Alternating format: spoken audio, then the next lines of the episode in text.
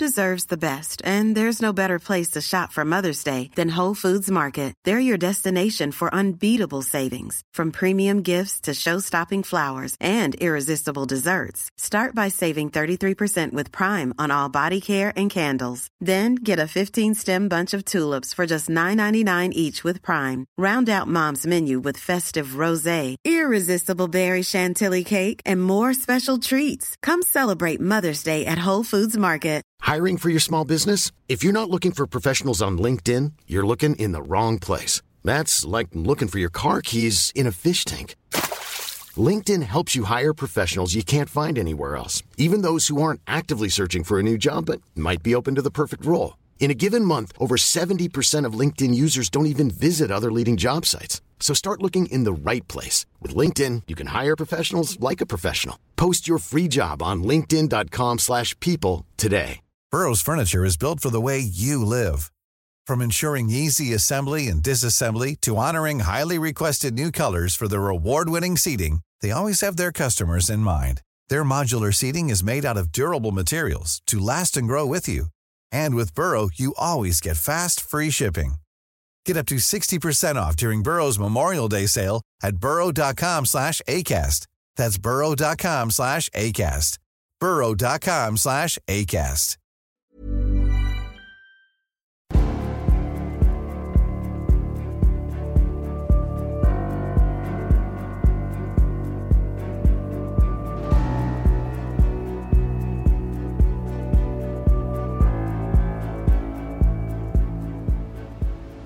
Du lyssnar på podcasten Samtal, en podcast med fokus på fria samtal.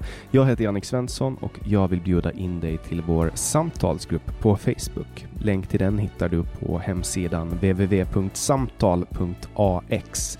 Jag blir också superglad om du vill vara med och hjälpa att stödja det här projektet. Det kan du göra på www.patreon.com samtal eller genom att swisha mig på nummer 070-3522 472. Länkar och nummer hittar du på hemsidan www.samtal.ax. Jag släpper nya samtal varje onsdag året runt och tar tacksamt emot tips ifall det finns någon du vill höra i podden. Idén bakom podden är att fokusera på fria samtal. Vi tror att öppenhet är grunden för det demokratiska samtalet och vill uppmuntra dig som lyssnar att exponera dig för samtal med någon du inte håller med om. Jag heter Jannik Svensson och du lyssnar på podcasten Samtal. Jörgen Fågelklå är kommunalråd för Sverigedemokraterna i Göteborgs stad. Han har tidigare jobbat inom vården som undersköterska. Han kom i kontakt med politiken genom sitt yrke som reklamare. Välkommen hit Jörgen Fågelklå. Tack så hemskt mycket Jannika. Jan, Jannik. Jannik. det är ganska Nej, men det, det är ja. sådär. Du vet, folk, en del säger Janik och en del säger Jannik. Eh, och, Vad heter du då? Ja, ja, Jannik. Ja, ja. så. Så att, Yannick eh, Noir, det är en gammal tennisspelare som heter det va? Ja, men jag, jag mm. undrar om de inte uttalar det som Chanik i, Fra i Frankrike. Aha. Men uh, jag vet inte riktigt. Men, men det är ganska vanligt att, att folk uh, säger fel. Men det, det konstigaste är det när folk säger Jannike. Ja, det är klart. Ja. Men, men bortsett från den fadäsen så är det jättekul att vara här. Mm. Eh, och eh, du jobbar som kommunalråd för Sverigedemokraterna. Kan du börja med att förklara för mig vad, vad är ett kommunalråd? Det är ingenting som vi har på Åland nämligen eller i Finland. Nej, det är lite olika här. I, en, en kommun eller stad styrs ju av ö, ett fullmäktige och sen så har vi också en, någonting, en, en kommunstyrelse. Eh, som då är de som sköter den dagliga driften. lite, lite förenklat sagt kunde man säga att, att fullmäktige är riksdagen och kommunstyrelsen är stadens regering. Eh, enkelt sagt, lite förenklat. Och sitter man i kommunstyrelsen i Göteborg då är man kommunalråd. Det är den ordningen vi har här och det betyder att jag och alla andra kommunalråd, vi är heltidsanställda politiker i Göteborg. Så jag är heltidsanställd. Okej, okay, det är som ett statsråd. Fast, fast i okay. kommunen, ja. Okay. Precis. Så, så kommun, en kommunstyrelseledamot är vald I, av, i Göteborg, är vald av eh, kommun eller stadsfullmäktige. Ja. Och då blir ni kommunalråd? Ja, i Göteborg. Men en del kommuner har ju eh, är man ju inte kommunalråd bara för att man sitter i kommunstyrelsen. Mindre kommuner har ju inte kommunalråd. De kanske har ett kommunalråd som är heltidsanställd och så har man ett oppositionsråd som antingen är heltid eller halvtidsanställd i mindre kommuner. Okej, okay. så eh, i ditt fall då, så, för jag hade för mig att kommunalråd eh, var någon form av politisk tjänsteman. Nej, det, de är förtroendevalda politiker. Okej, okay. och hur länge har du varit kommunalråd i Göteborg? Sen 2018, valet där. Och vad gjorde du innan, innan det rent politiskt? Då? Rent politiskt jobbade jag fyra år som politisk sekreterare här i Göteborg eh, för Sverigedemokraterna. Tidigare innan det så jobbade jag fyra år som politisk tjänsteman uppe i riksdagen. Jag jobbade med kommunikation för Sverigedemokraterna. Jag tror att jag är den första som man rekryterade utifrån partiet. Jag alltså kom, kände ingen eh, 2010 i partiet utan jag svarade på en jobbansökan. De sökte en, en kommunikatör, en grafiker. Så att, då skickade jag in min ansökan. Just det. Och då och jobbade du i, i Stockholm då? Då jobbade jag i Stockholm i fyra år, ja. Just det. Så du kom alltså in i politiken som tjänsteman? Ja, det gjorde jag. Okay. Jag har ju en, vet jag inte, jag har ju en, en bakgrund, tänkte jag säga, en familj. Min mamma har ju varit politiker i, i 39, 39 år. Så jag har ju eh, en politisk bakgrund så att säga, med, med ett politiskt hem. Vilket politiskt parti då? Hon var folkpartist. Eh, hon gick ur Liberalerna för ett antal år sedan. Eh, och idag röstar hon på Sverigedemokraterna. Jag har en liten rolig anekdot om det där sen. ja, men dra den nu direkt. Vi har ju två timmar. Ja, ja eh, 2010 när jag då fick det här jobbet uppe i riksdagen så ringde jag min mamma som då var folkpartist och sa att jag hade fått ett nytt jobb uppe i riksdagen och det var för Sverigedemokraterna. Och då blev hon naturligtvis, först blev hon ju stolt över sin son att, hon, att jag hade kommit eh, åtminstone kommit att få jobba upp i riksdagen. Eh, och det var hon väldigt stolt över och glad för och, och sådär. Men sen så tyckte hon ju inte om Sverigedemokraterna så hon sa men, men, men inte för det partiet och så grät hon lite grann. För du, du är väl inte som dem? Och då sa jag till min, min mamma nej du mamma, jag tror att det är snarare så att alla de här uppe, de är som mig. De är fullständigt normala, vettiga människor som har en vettig mor och far som har en annan politisk lösning och åsikter än, än övriga partier.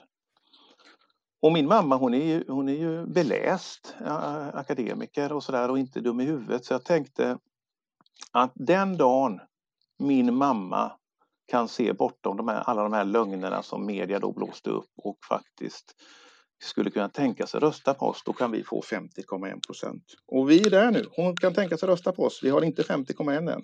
Nej, det är långt. Vad är det? 17 procent? Ja, något sånt där. Mm. Så vad, hur, hur ser det ut nu inför riksdagsvalet? Kommer du att eh, kandidera?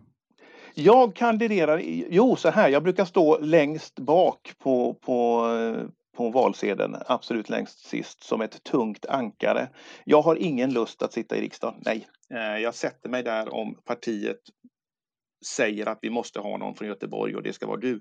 Då, då sätter jag mig där, men inte annars. Varför skulle du inte vilja sitta i riksdagen? Är inte, är inte målet för alla inom, inom politisk värld? Nej, det tror jag, alltså jag tycker kommunpolitik är jätteroligt. Det här är mer vardagligt, det är mer hands-on. Man får hjälpa eh, människor i deras vardagliga problem faktiskt. Eh, det, det, är mer hands-on, tycker jag. Okay. Mycket roligare och mycket jag, mer. Ja, där jag kommer ifrån då är ju kommun, kommunpolitik att man träffas en gång i månaden. Um, och, och, och, där finns det liksom inga tjänster inom, inom alltså du kan, du kan inte göra karriär på det. Det är kanske lite skillnad om man kan leva på det, tänker jag. Så är det ju naturligtvis. Eh, och, men jag, jag, sen, jag, så här också, jag har ju liksom rest fyra år till Stockholm fram och tillbaka. Jag har gjort den grejen. Eh, jag vet inte om jag skulle vilja göra om den, för, för det, jag sitter ju dessutom, nu sitter jag ju i valberedningen för, för Sverigedemokraterna på riksnivå och det är en av de här frågorna man ställer till alla blivande riksdagskandidater. Har du familjen bakom dig? Klarar du av att vara från ditt hem i fyra år? För det, det är, ett ganska, det är ganska tuffa krav faktiskt. Eh, och jag vet inte om jag skulle vilja det i min nuvarande situation. Mm. Jag, jag, tror inte det. Du har ganska många barn va? Ja, jag, har, jag har faktiskt bara två och sen har eh, min flickvän, eller vi är faktiskt förlovade, eh, hon har fyra. Men sen så brukar jag skämta också för att de har ju alla kompisar hemma så att det är liksom som ett helt fotbollslag och jag vet aldrig vilka som är hennes och vilka som är mina och vilka som är kompisar och sådär. Så jag brukar fråga alla ungar, är du min? Mm. Är du min? Det är full rulle. Det är full rulle. Men du, du jobbar tidigare som, alltså som, som eh, politisk sekreterare i Göteborg? Ja, sen då 2014. Och där var det ju en liten skandal som drog igång. När jag googlade på dig så såg jag att det, vad, vad handlar det om? Vilken, vilken av dem tänkte jag säga. Det har, det har, tyvärr har jag ju förekommit i media några gånger. Eh, är det, ja, är det den att eh, vi inte fick behålla våra jobb? Ja, det står att eh, Sverigedemokraternas första namn Jörgen Fågelklå har polisanmälts för fusk med arbetstider. Ja, och jo, och det, vet du vad? Det där har jag faktiskt, för det var en journalist som frågade mig det någon gång. Eh, på någon, vi var på någon valvaka så frågade de hur har det gått med den där polisanmälan. Och då frågar jag, är jag polisanmäld? För jag har aldrig sett en polisanmälan. Jag har aldrig haft någon, någon polis här hemma eller någonting. Så att, eh, tidningarna har skrivit det, jag har aldrig sett det. Men det, det blev ju naturligtvis ingenting av det där om jag nu var polisanmäld för det, för det var ju fullständigt trams. Okej, okay. men det var, det var någon konflikt där då eller? Ja, vårt kommunalråd, han blev ju utesluten från Sverigedemokraterna. Eh, vår högsta politiker i Göteborg. Och eh, i den vevan så gjorde han sig av med en del politiska sekreterare efter det. Okay. Och det är tragiskt kan jag tycka men är det någonting man ska ge jag vill ofta inte prata om, om, om saker som har hänt internt i partiet för det, det gynnar varken mig eller eh, andra personer att prata ut i media.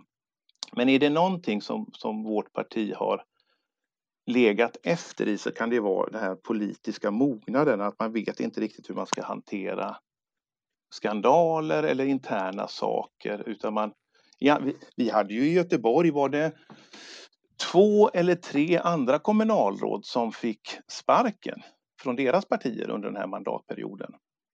De gick ju de, de vet hur man beter sig inom politiken, de avgick ju med en gång. Eh, då blir man ju inte utesluten och då har man en chans att komma tillbaka igen. De, de har en mer politisk mognad, de vet hur man ska hantera sådana här saker brukar jag säga.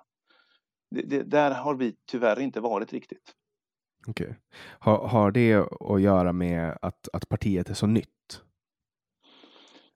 Ja, ja, att det var det. Ja, jag, jag kommer ihåg Eh, Eh, jag var ju distriktsordförande för, för Göteborg här eh, mellan 2012 och 2016 tror jag. Eh, åren kommer jag faktiskt inte riktigt ihåg om det var de åren. En av de första sakerna jag skulle göra det var att åka till SVT och stå till svars för vad vissa folk hade skrivit på nätet eller anklagades för att ha skrivit på nätet. Och då ringde min mamma mig. Och, och så sa hon så här att vet du vad Jörgen? Vi har lika många stollar i Folkpartiet som ni har. Den stora skillnaden är att vi har funnits i hundra år. Vi stoppar dem på gräsrotsnivå innan de ens får i uppdrag att koka kaffe. Och, och, där måste jag ju då ge henne rätt att vi har ju vuxit väldigt starkt. Vår organisation har ju inte hunnit med. Eh, det, det, man inte får glömma, som man ofta glömmer bort när man pratar om Sverigedemokraterna, det är ju att några veckor innan 2010, innan vi kom in i riksdagen, så satt ju Jimmy Åkesson i sin källare och klistrade en kuvert och skickade ut till medlemmar. Vi fanns ju ingen organisation, det fanns ju inga anställda utan vi var ju något slags källarparti och sen så kom vi in i riksdagen. Eh, det glömmer folk alltid. Och sen när vi väl kom in i riksdagen så försökte vi bygga upp en organisation. Vi fick ju tjänstemän, vi fick ju större resurser. Och jag ska ärligt säga att jag tror att de första fyra åren eh, den organisationen blev inte bra utan man började om 2014 med en helt ny organisation. Så att jag skulle säga att den, det partiet som finns idag rent organisatoriskt började byggas 2014. Mm.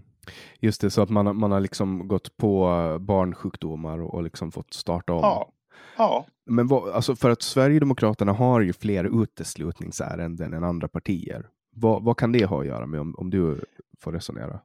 Ja, det har vi säkert. Jag vet inte om det är så. Jag har ingen aning om hur många eh, alla andra partier utesluter. Men att, att vi har vår beskärda del, absolut. Och det står ju i media varje gång vi har dem. Det gör det. Jag tror helt enkelt att vi har vuxit alldeles för snabbt. Vi har inte haft koll på våra medlemmar. Vi har inte haft koll på vem som blir företrädare för oss ordentligt. Vi har naturligtvis också lockat till oss människor som inte vet vad vi står för. Ehm, och, och har gått på mycket av medias lögner att det här, det här är det rasistiska partiet. Ja, det är klart att det lockar till sig en massa rasister. Mm. Så det är, en, det är en blandning där skulle jag vilja säga. Och att vi har någon slags eh, nolltolerans, att vi, vi gör någonting åt saken. Vi har sagt att, att eh, de här grejerna tolererar vi, de här tolererar vi inte. Och, och tolererar man dem inte, ja då åker man ut. Och jag vet inte hur det ser ut i andra partier, ingen aning. Vi gör någonting åt det i varje fall, brukar jag säga.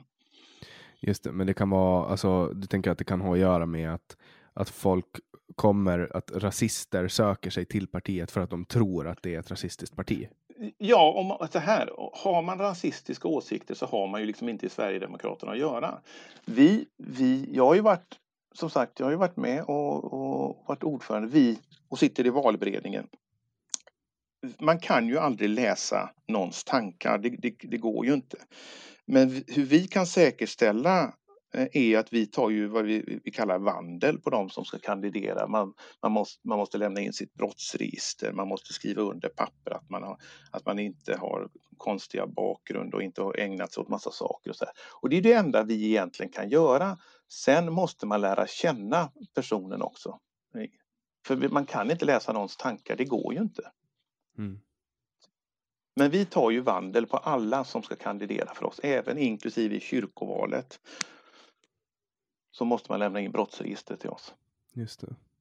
För, för du har ju själv blivit anklagad för lite olika saker läser jag på din, på mm. din eh, Wikipedia-artikel. Mm. Um, alltså inte rasist men publicera uh, information där de menar att du har skrivit massa uh, hemska saker på, på Flashback och det de har som, som bevis när jag kollar på det, det är en mailadress som är jorgen.bird.se. Mm som de påstår att det är din. Ja, men ja, yes. Och att den då kopplas till ett Flashback-konto. Ja, och det har jag ju in, eh, det, kan, det kan jag inte liksom kommentera för det kan den inte vara. Det är full, fullständigt omöjligt säger jag att den skulle vara det. Eh, men att jag hade den mejladressen fram tills 2002-2003, det stämmer alldeles utmärkt. Och sen har den inte funnits mer. Okay. För de, de påstår i alla fall att den då är knuten till ett Flashback-konto där det har skrivits eh, massa jättehemska ja. saker. Ja. Men du känner inte till det då? Jag känner ju till att de har påstått det, eller jag vet inte om det var de som påstod det, men det var någon, någon annan eh, vänsterextrem sajt. Och vad, vad de säger att eh, jag, alltså vad de påstår någonstans att, att jag skulle gjort för 11 år sedan när det är fullständigt omöjligt att det skulle kunna ha skett. Det är, liksom, det är ju jättetråkigt men det är ju ingenting som jag kan lägga fokus på överhuvudtaget. Mm. Värt att nämna här det är att, det är att ingen, eh, vad ska man säga inom citationstecken då, seriös sajt, jag tänker på typ eh, alltså Aftonbladet eller Expressen och så mm. vidare mm. har skrivit om det här, utan det är bara det är bara alltså, tydliga vänstersajter. Men, men alltså när man inte, jag tänker att när man går ut med en sån här, de skriver till exempel då att det är, att det är nazistiskt Flashback-konto, att det är ditt, mm. men de skriver inte hur de har fått reda på det. Alltså hur, hur för att Nej. Flashback har ju inte gått ut med det här, så jag tänker att det är ganska relevant att skriva. Ja. Tänker jag. Men eh, det, måste ju, det, det, måste ju vara jobbigt att ha sånt här som hänger kvar. Alltså, för jag hittar det här så fort jag söker ja, på ditt namn. Ja, och det, och det är ju det som är det tråkiga. Det kanske är det bra med internet också i och för sig. Att, att internet glömmer ju inte och, och, så fort någon skriver någonting sånt här så, så det är klart att när folk googlar mitt namn så kommer det upp massa saker som eh, en del stämmer ju tyvärr och en del stämmer inte. Och det, det, är ju, men det är väl sånt man får leva med som offentlig person tänker jag. Jag är ganska hårdhudad om jag ska vara ärlig. Däremot så har jag ju barn. Jag har en, en, en fästmö, hon har eh, ett antal unga tonårstjejer. De tar ju mer illa vid sig än vad jag gör och när de mår dåligt, då mår jag dåligt. Mm. Eh, för familjen är någonstans det som är det viktigaste och det som man absolut inte vill skada. Till exempel så var det, det var ju för ja, ett år sedan eller någonting, så var det någon som skrev här utanför vårt hus att här bor en nazist. Eh, och jag ringde ju fastighetsskötaren någonstans och sa att ni får komma och ta bort det här med, medans eh, då eh, min tjejs barn, de ville ju inte ens bo i det huset då så länge det stod där och de skämdes ju ögonen ur sig och mådde jättedåligt och sådär. Mm. Alltså jag tänker att alltså en, en sån där grej, om, om det är sant, eh, det är ju olagligt det som står där, alltså det är ju hets mot mm. folkgrupp. Då borde ju det ha polisanmälts och då borde ju du ha eh, kommit fram, alltså om du har lämnat digitala spår. Det, det är lite så jag resonerar när jag läser ja. sådana uppgifter. Att det är ju skillnad på att, att vara dömd för det eller att det åtminstone mm. finns någon form av substans i det. För, mm. än, att, än att bara någon går ut och påstår det. För jag kan inte hitta någon eh, källa som, som liksom säger att... Nej, det finns det ingen heller. Mm. Uh, ja, men, men eh, det, det, där är ju också, jag, jag, kan relatera till just det där med att vara en offentlig person och hamna i olika former av, av drev, vare sig det är, alltså det är väldigt sällan som, som när det är inne i ett drev som folk är jättenoga med att hålla sig till fakta. Mm. Eh, det är någonstans faller det ju bort, alltså skulle man, skulle man mitt i ett drev Eh, alla som, som driver det här drevet sätta sig ner och bara, men nu tar vi det lugnt lite och så väger vi all fakta mot verkligheten och så vidare. Då skulle det ju inte vara lika roligt att dreva. Nej, nej men så, så är det ju. Och jag har ju varit med om, jag har ju varit med om ett antal olika drev och någon gång har det ju varit samma drev som då kanske var två, tre år gammalt där man gjorde en nyhet av det och det kan jag förstå att man gjorde en nyhet av det då. Sen inför valet eh, två, tre år senare så kommer samma drev upp två dagar innan eh, valet ska vara så att säga. Och, och då kände jag, men det här är ju tre år gamla saker, varför kommer ni med det nu igen? Varför, varför försöker ni göra nyhet av någonting som var nyhet för två år sedan? Men så, så är det väl att vara politiker och, och i synnerhet politiker för Sverigedemokraterna. Men det enda jag kan göra och, och det som jag har sagt till eh, min grupp, vi har en väldigt kompetent grupp i, i Göteborg, det är att vi ska vara fullständigt normala, vettiga Sverigedemokrater i varje möte varje dag med andra politiker. Förtroendet är väldigt lätt att rasera men det tar lång tid att bygga upp och det här är, vi är inne, det här är ett maratonlopp. Vi måste kämpa och jobba för, för en långsiktig seger så att säga. Så att det, det är det vi jobbar för idag. Mm. Att, att andra politiker och, och naturligtvis väljare ska se att vi gör ett seriöst jobb. Jag har ju sagt inga skandaler i Göteborg, liksom det, det, det är det som det ska det inte vara. Mm. Alltså, vi, vi brukar ju vara inne på samma rum på Clubhouse, mm. du och jag. Uh, och vi har ju mobbat dig i små bitar för mm. den, här, den, här, den här grejen när du ringde upp till någon och sa att du ska gräva ner honom i en garderob. Ja, det var han som ringde upp mig faktiskt. ja, okay. uh, tro, tror jag att det var. Sådär. Ja, jo, nej men alltså, det här det är, ju, det är ju lätt att skratta åt det nu men, men, men uh, man ska ju också vara lite seriös. Det, vad det handlar om egentligen, det, det behöver jag inte gå in här på för det var en, en jätteprivat affär. Och, och men ni var, ni var fulla? Jag var jättefull naturligtvis, oh ja. Eh, alkohol och jag kommer ju inte ens ihåg samtalet om jag ska vara ärlig. Jag har ju haft massa reportrar som, som ville spela upp det där för mig och jag har sagt nej, jag vill inte höra på, på skiten för jag förstår vad jag har sagt ungefär. Eh, ja, men du har sagt det här, ja det är mycket möjligt säger jag. Du hör ju hur idiotiskt det låter. Eh, så att, ja, nej, ja, och, och det måste man ju så får man inte bete sig naturligtvis. Eh, det ska man ju inte göra. Eh, men jag, jag var bra berusad. Ja, men säg någon som ja. inte har varit för full. Ja. Alltså, det, det, är också någonting, är det, någon, är det någonting jag kan känna sympati för så är det när folk blir för mm. fulla och gör bort sig, för det har jag gjort mm. många gånger. Jag har bara haft tur att ingen har liksom spelat in mig som ja. i det här fallet det hände för dig. Ja. Och men, men jag kommer ihåg när det där samt, eller så kommer ihåg när, när tidningarna gjorde en affär av det där. Och det förstår jag att de gjorde. Det, det, det lägger jag inte dem i fatet för det, hade, det förstår jag att det, att det var en nyhet. Men då gick det rykten om att det skulle vara någon annan sverigedemokrat, för det var jag och en kompis. Och det där var en av mina privata kompisar som hade sagt massa saker. Han hade absolut ingenting med SD att göra men det försökte man då få in att det var någon annan SD-kille och så här och, och, det stämmer ju inte alls att det var. Så att, ja. Men jag, jag tar avstånd och fördömer. Men det, det, det, har jag skrivit på Twitter någon gång för ett antal år sedan att jag tar avstånd och fördömer allt dumt som någonsin har sagts och som någonsin kommer sägas. Jag behöver inte säga det mer. Jag har sagt det en gång, det räcker. Mm. Um, just det, Nej, men, nu, har, nu har vi ju behandlat skandalerna, det som, mm. det som kom... och, att du, att du, och att du brukar kalla mig hönsnagel. Ja, hönsnagel, mm. det är roligt. Det var mm. du som mm. sa att någon hade ja. sagt det till dig. Nej, jag har fått ett brev hem till Jörgen Hönsnagel och det, det kom till min adress. uh, nej men det är roligt, alltså, nu, mm. nu, nu, nu skiner det igenom att vi har träffats på Clubhouse också.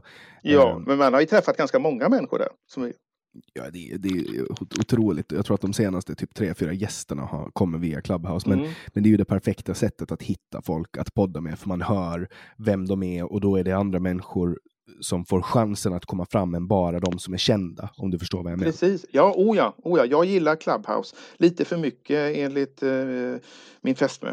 Ja, det kan jag tänka mig, för du är fan mm. alltid online. Mm.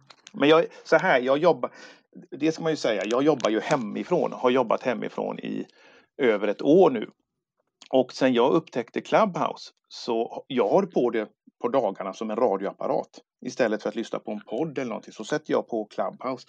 För det finns massa intressanta rum där som bara kan gå på där man lyssnar lite grann så här vid sidan om. Jag tycker det faktiskt är en fantastisk app. Jag tror att den kommer växa. Mm. Jag, jag såg att Twitter har lanserat någon liknande funktion nu som Clubhouse. Mm. Rent grafiskt så liknar den också väldigt mycket. Mm. Uh, och det, det, det, gör mig lite skrämd för att jag är rädd att det ska splittra upp folk. Uh, jo, nej men så här, så här, förlåt om jag avbryter. Nej, nej, kör. Uh, om vi, om vi, alltså Clubhouse-appen, alltså själva funktionen att vi pratar med varandra så här, det kommer överleva, det kommer bli jättestort. Om det sen heter Clubhouse eller om det är någon annan stor sak som tar över, det, det, det vågar jag inte svara på, för det finns ju massa olika sådana saker, tidigare Napster och, och så blir det Spotify och, och så här, så det finns ju massa olika, men själva fenomenet att vi kan prata med varandra väldigt enkelt, väldigt snabbt i, i ett samtal där man bjuder in folk. Det, det tror jag är här för att stanna. Mm. Det, är, Nej, men det är som sagt, ehm, alltså det är som sagt ett, ett jättebra sätt att, att hitta folk och det här påverkar också min podd. De, de som har lyssnat nu, mm. eh, de senaste avsnitten har ju märkt att, att jag har tagit in gäster, alltså de ska vi säga, de fyra senaste gästerna skulle jag säga. Att, mm. alltså, Thomas eh, började jag snacka med på Clubhouse, Staffan Dopping, Evelina Öhman och eh, Gian Berosi. Mm. Eh, kommer. Så de fem senaste gästerna, inklusive dig, kommer från Clubhouse. Och det har ju att göra med att, att nu, nu har jag liksom eh, man, man, man, träffar folk och så hittar jag ett perspektiv som jag mm. tycker att kan vara intressant. Eh, och, och detsamma gäller ju, jag var ju inne, jag var inne och beklagade mig på, i ett rum en kväll och sa att det är för svårt att få in kvinnor. Eh, det, var ju då jag skulle in nu. Jag sa ta Gian före mig. Ja, det var ju du som rekommenderade mig ja, att ta in Gian. Ja. För, så att, och du sa att du, du gjorde en, en tjänst som, som klev åt Precis. sidan för en, för en kvinna. Det är, ja. väl det, det är väl det Miljöpartiet vill att man ska göra nu, kliva åt sidan och släppa fram kvinnor. Ja, men det, eller, så man, eller så gör man det för att man är gentleman. Ja, men du får, i vilket fall som helst så får du en ja. liten eloge för det i alla fall. Ja, vad härligt. Men om vi ska gå till rent ideologiskt då. Hur gick mm. din ideologiska resa för att komma in i Sverigedemokraterna? Oh, alltså jag... Sånt här får man väl inte säga som politiker och nu, nu får väl hoppas att inga i Sverigedemokraterna eh, lyssnar. Jag är väl inte sådär jätte ideologiskt bunden. Jag är ju mer pragmatiker och det kanske man måste vara som kommunpolitiker. Men menar du hur jag kom in i Sverigedemokraterna? Eller din ideologiska resa, vad var du när du var ung? Var du en vänster? Nej, men jag, nej, jag, nej, jag är uppvuxen då i, i ett, ett småborgerligt, det lät, det lät väldigt uh, uh, felaktigt, men, men i ett borgerligt hem. Jag uh, var nog folkpartist, moderat i hela mitt, alltså, jag var nog, jag var nog folkpartist tror jag under min uppväxt i och med att min mamma var det. Sen hade jag ju massa och det har jag fortfarande, vänstervänner någonstans sådär. Va? Men, men själva vänsterideologin har aldrig lockat mig för fem öre. Jag tror ju på individens frihet, jag tror på den fria marknaden även om den inte finns förutom som ett tankeexperiment inne på Handels brukar jag säga. Eh, jag tror på konkurrens och jag tror på att, vi, att eh, Eh, alla människor ska ha samma möjligheter och skyldigheter. Eh, jag tror på, inte på lika utfall utan lika möjligheter så att säga. Det är ju det viktiga för mig. Men eh, in, jag, jag tror ju att jag har en sån här minnesbild av de två sakerna som gjorde att jag valde Sverigedemokraterna. Eh, och det var bland annat, det var några upplopp i Paris förorter. Jag tror, jag för mig att det var två, tre pojkar som dog. Och på den tiden så sa man att det där kommer aldrig ske i Sverige. Och så varnade Sverigedemokraterna för det här och sen några år senare så hade vi de här förorterna i, i Sverige. Och mitt motstånd mot EU. Eh, jag röstade tyvärr in Sverige i EU när det väl begav sig. En röst som jag idag ångrar ganska bittert. En röst som inte skulle ha gjort någon skillnad så här i efterhand. Nej, precis. Va? Och, och så var det ju. Men, men jag, jag, jag skulle antagligen, om vi skulle rösta för samma sak idag och vi röstade för det, det EU eh, e eller EG som faktiskt fanns då, då kanske jag skulle rösta ja idag. Det, det, vet jag inte, men det är ett helt annat EU vi ser idag än det vi röstade ja till. Mm. Ja, jo absolut så är det ju. Det mm, har ju blivit ja. ett monster nu. Ja, precis. Va? Och det är det jag inte gillar. Att vi, må, att vi måste samarbeta och ha samverkan med övriga länder i Europa. Det är ju en självklarhet. Och, och det ska vi ju ha på ett eller annat sätt. Vi behöver inte ha den här överstatligheten. Eh, det behöver vi inte.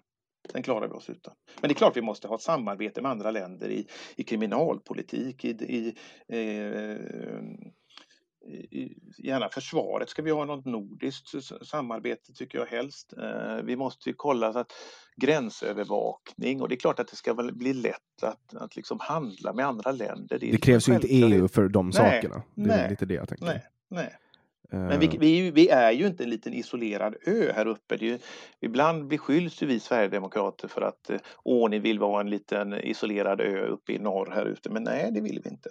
Men däremot så vill jag jättegärna att någon kontrollerar när det kommer in en bil i, in i Sverige att vem är du? Vad ska du göra i Sverige? Och vad har du med dig i din bil? Det tycker jag är rätt, det tycker jag är rätt schysst faktiskt.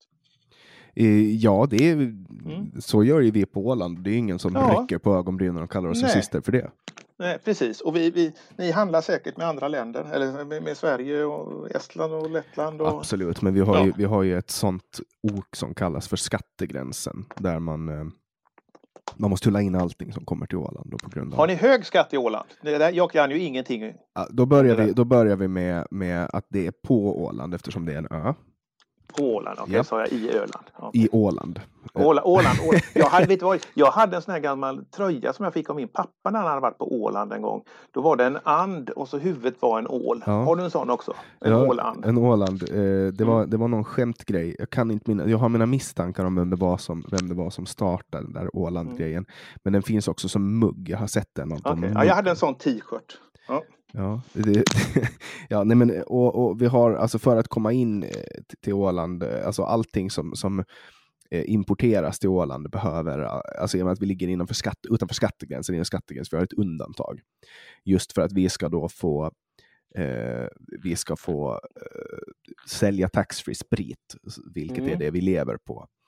Aha, ni har, ingen, ni har ingen inhemsk industri eller någonting, det är sprit ni, ni lever på? I princip. Mm. Typ så. Eh, så att vi har, vi har ett litet problem just där med skattegränsen. För det, det, det, på, det vi får väldigt mycket pengar från att ha det så. Det vill säga att, att eh, Åland är ett, en undantagen skattezon. Men, så att vi måste även i, tulla för saker som kommer in från Finland. Mm. Men, men det är sådana vardagliga problem som, som, som vi behöver egentligen ta här för att... Nej, nej, nej. För att, för, för, hur, hur, hur, folk får komma till Åland och njuta av det istället och skita i ja. våra problem. Utan kom till ja. Åland, njut, spendera. Jag, har, jag tror aldrig jag har varit på Åland, så det, det, ska jag definitivt, det finns på min bucketlist. Jag ska åka till Åland.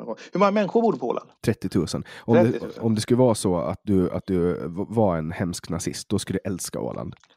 Eh, vi, har ju, vi har ju alltså eh, Daniel Lampinen som är uttalad rasist. Han flyttar ju till Åland. Okej, okay. ja, jag har ingen aning vem han är. Och det, det här är ju så, jag, eh, jag kan ju ingen sån här historia. Jag har aldrig haft någon fabläs för, för andra världskrigets historia eller någonting sånt här. Så jag är ju ganska dålig på när folk slänger upp namn från högerextrema organisationer. Jag har ingen aning. Men Daniel Lampinen är ju han här, det är ju han här ja. öppna rasisten, du vet. Nej, jag, nej, jag har ingen aning vem det är om jag ska vara helt ärlig. Ingen aning, men han, är, han har varit med i min podd också. Han, är, han, han, ah, lyssnar, nej, han lyssnar garanterat på det här. Hej Daniel Lampinen, jag vet att du lyssnar på alla mina poddar. Jag hoppas du har det bra i din lägenhet. Eh, men han har i alla fall varit med här och, och, och han har varit med i eh, Navid. Jag har, inte, jag har inte lyssnat på alla dina avsnitt. Jag har lyssnat på några stycken. Jag ska lyssna på alla. Ja, Jag ska rekommendera alla. Ja, det, ja. det är väl skönt. Okej, okay, men, men vi, vad, vad, vad, vad, är problemet med invandringen, Jörgen? Vi måste, vi måste ta, vi börjar där. Vad är problemet med invandringen? Alltså, I Sverige? In, invandring är ju inget problem i sig. Att människor flyttar till andra länder. Det är egentligen inget problem. Eh, frågan är ju, vi har ju, i Sverige har vi, i Sverige, det har vi väl i hela Norden och Europa, vi har ju ett välfärdssamhälle där, där det baseras på att de som jobbar här betalar in skatt och så får vi eh, sjukvård, vi får skola, vi får tandvård, vi får massa sådana här saker. Ett välfärdssamhälle som, som baseras på skatter.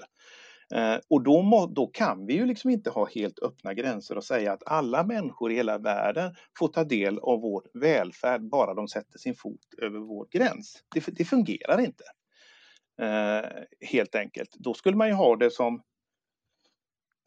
ett helt, då skulle man inte betala någon skatt istället och säga vi har öppna gränser men vi har inget välfärdssamhälle, vi betalar ingen skatt utan alla tar hand om sig själv och då kan vi ha fri invandring. Kanske inte folk skulle vilja komma å andra sidan. Nej, nej då skulle man ha en självreglerad invandring eh, för då skulle inte så många komma hit som inte har jobb och bostad och kan försörja sig. Och den, den invandringen är ju inga problem med. Och, men jag vill, inte ha, jag vill inte ha ett sådant samhälle, eh, alltså ett extremt USA där alla Eh, Eh, för jag, jag, tror ju på välfärdssamhället. Jag tror att eh, det är ett, en solidarisk handling. Jag tycker det är en, en bra tanke att jag betalar för min arbetskollega om den Alltså vi betalar skatt och, och, den personen bryter benet och inte kan jobba så har vi solidariskt, tar vi hand om varandra. Jag, jag tror att det är en bra tanke. Jag, jag tror att det är så man bygger ett bra samhälle.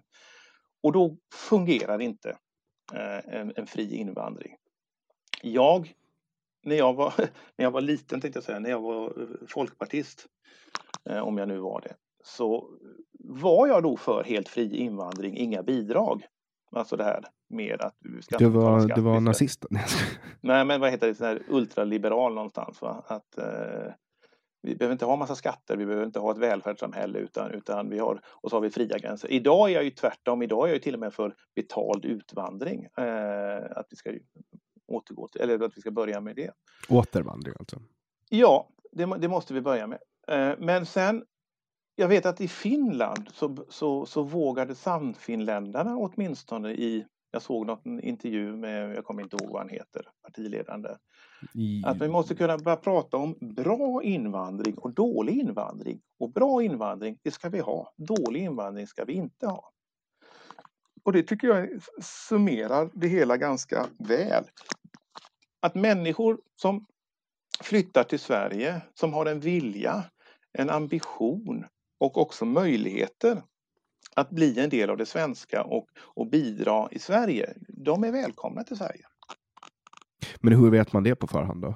Ja, det, det vet man ju inte naturligtvis. Det, men, men till exempel varför har vi en, en stor invandring från, från, från Mellanöstern och Somalia och sådana här länder? Det kan man ju undra. Och det är, ofta det är flykting och anhöriginvandring som då inte egentligen per definition flyr till Sverige. Utan man flyr ofta, man är ofta internflykting i sitt eget land eller så har man lyckats ta sig ut till ett grannland i ett stort flyktingläger. Eh, man flyr inte till Sverige utan man reser till Sverige. Ehm, men, då är det ju, då är det ju, alltså flyktinginvandring, det är ju den reglerade invandringen mm. från, från FN. Uh, mm. Asylimmigration är ja, väl kanske den ja. du tänker på? Ja, ja. Ja, Just det, för, för att det, och, och det här, skillnaden det... där på asylimmigration, det är, ju mm. att, det är att det är folk som kommer till Sverige, som tar sig till Sverige på något sätt ja. och sen, söker, sen anmäler de till Migrationsverket att de är hotade i sina hemländer. Eh, ja. medan, medan flyktinginvandring, det är alltså eh, FNs kvotflyktingsystem ja. där man får en flyktingstatus. Eh, de gör intervjuer, de kollar upp ens bakgrund och de kollar, de kollar om man faktiskt är det på riktigt och sen då kvoteras man in i olika länder. Ja, man, precis. Och då är det ju väldigt det här, stor skillnad. Och det här är ju viktigt. Precis, och det här är ju Uh, nu gick jag ju lite i den här fällan, men det är ju jätteviktigt att man, att man, har, att man pratar med rätt begrepp och att, att man gör, gör, klart vad man pratar om. För att människor, att människor flyttar till Sverige för att skapa sig en bättre framtid och bli en del av Sverige, det är, liksom, det är, inte, det är inga problem med det. Jag har grannar, jag har vänner, jag har arbetskollegor, jag har släktingar som har bakgrund i ett annat land som gör fantastiska insatser i Sverige. Och det är, liksom, det är inget konstigt, det är fullständigt naturligt att det är så. Och, och ibland, där kanske vi Sverigedemokrater ibland har varit lite dåliga på att lyfta upp det, men det har ju varit så självklart för oss att så är det ju. Det, det är en självklarhet för alla att det finns massa människor som, som gör bra saker i Sverige, för Sverige och vill bli en del av Sverige och har blivit en del av det svenska. Mm. Det, det, men, men så har vi ju Eh, vi har ju människor som växer upp i Sverige idag som inte känner sig svenska, som inte vill bli svenskar och det tycker jag är jättetragiskt. Vad är svensk enligt dig då? För det där är ju en fråga som alltid ja, men, kommer i Sverige. Ja, men precis. Ja, men vad, vad, vad är svenskt för mig? Jag, jag, andas och lever svensk kultur varenda dag. Det är en myriad av vävar som bildar den stora väv som vi kallar svensk kultur. Det är liksom inte en enskild sak utan det, det är tiotusentals saker där vissa av de här sakerna också stämmer in på andra länders kulturer. Men, all, men sammantaget gör det inte det. Det är klart, skulle jag säga så här, närheten till naturen, ja men det har man väl i massa andra länder också.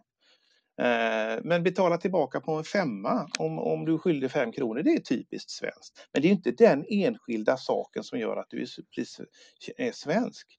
Jag tror att Theodor Kalifati, gud vad jag pratar, du får stoppa mig ibland. Nej men alltså du, du är ju gäst i den här podden. Ja, alltså, ja. Vadå, vad, tänker du att jag ska stoppa dig och bara nej Jörgen, ja, nu har du tagit mycket plats. Ja, nu precis. För mycket. Nej, men ibland så, du är inte på Clubhouse nu. Nej, men du vet, ibland, ja, man är ju politiker och ibland så bara brer man ut och så. Men jag tror att det var Theodor Kallifatides, eh, grekisk författare bosatt i Sverige, en svensk sedan många år tillbaka. Han sa att för, någon gång på ålderns höst så tänkte han på ett träd. Och för första gången i sitt liv, nu kommer jag inte ihåg om det var en gran eller björk han tänkte på, så sa han, vad fan, det är så här det är att vara svensk. För jag har hela mitt liv fram tills nu när jag tänkt på ordet trä, tänkt på ett olivträd. Mm. Det är typ alltså associationer. Ja, men det är klart att det är en del av, av den svenskheten också naturligtvis, att ha samma associationer som de runt omkring sig. Mm. Um, jag tänker ju, när jag tänker på begrepp, begreppet svensk, då tänker jag på alltså värderingar. Och där mm, finns jo. det ju alltså vetenskap, uh, det vill säga då World Value Survey, där man kan kolla ja. på hur människor, uh, vad de har för slags värderingar och ganska mycket genom genom värderingar så, så, tycker jag att man kan placera vad folk är för mm. nationalitet kan man väl säga. En av de här sakerna som, som, som är typiskt svenskt, det är ju att vi har en tilltro till myndigheter. Eh, staten, att vi, vi är inte ett korrupt land. Ju längre söderut i Europa, desto mindre tilltro till myndigheter har man i sina länder. Eh, till pensionssystem och andra saker. Åker du ner till Grekland, Italien så är den ganska låg. Åker man sen över till, till eh, eh, över Medelhavet så är den i princip noll för där har man mer korruption. Det, det är en typisk sån svensk sak att vi har en tilltro till myndighets-Sverige. På gott och ont. Mm.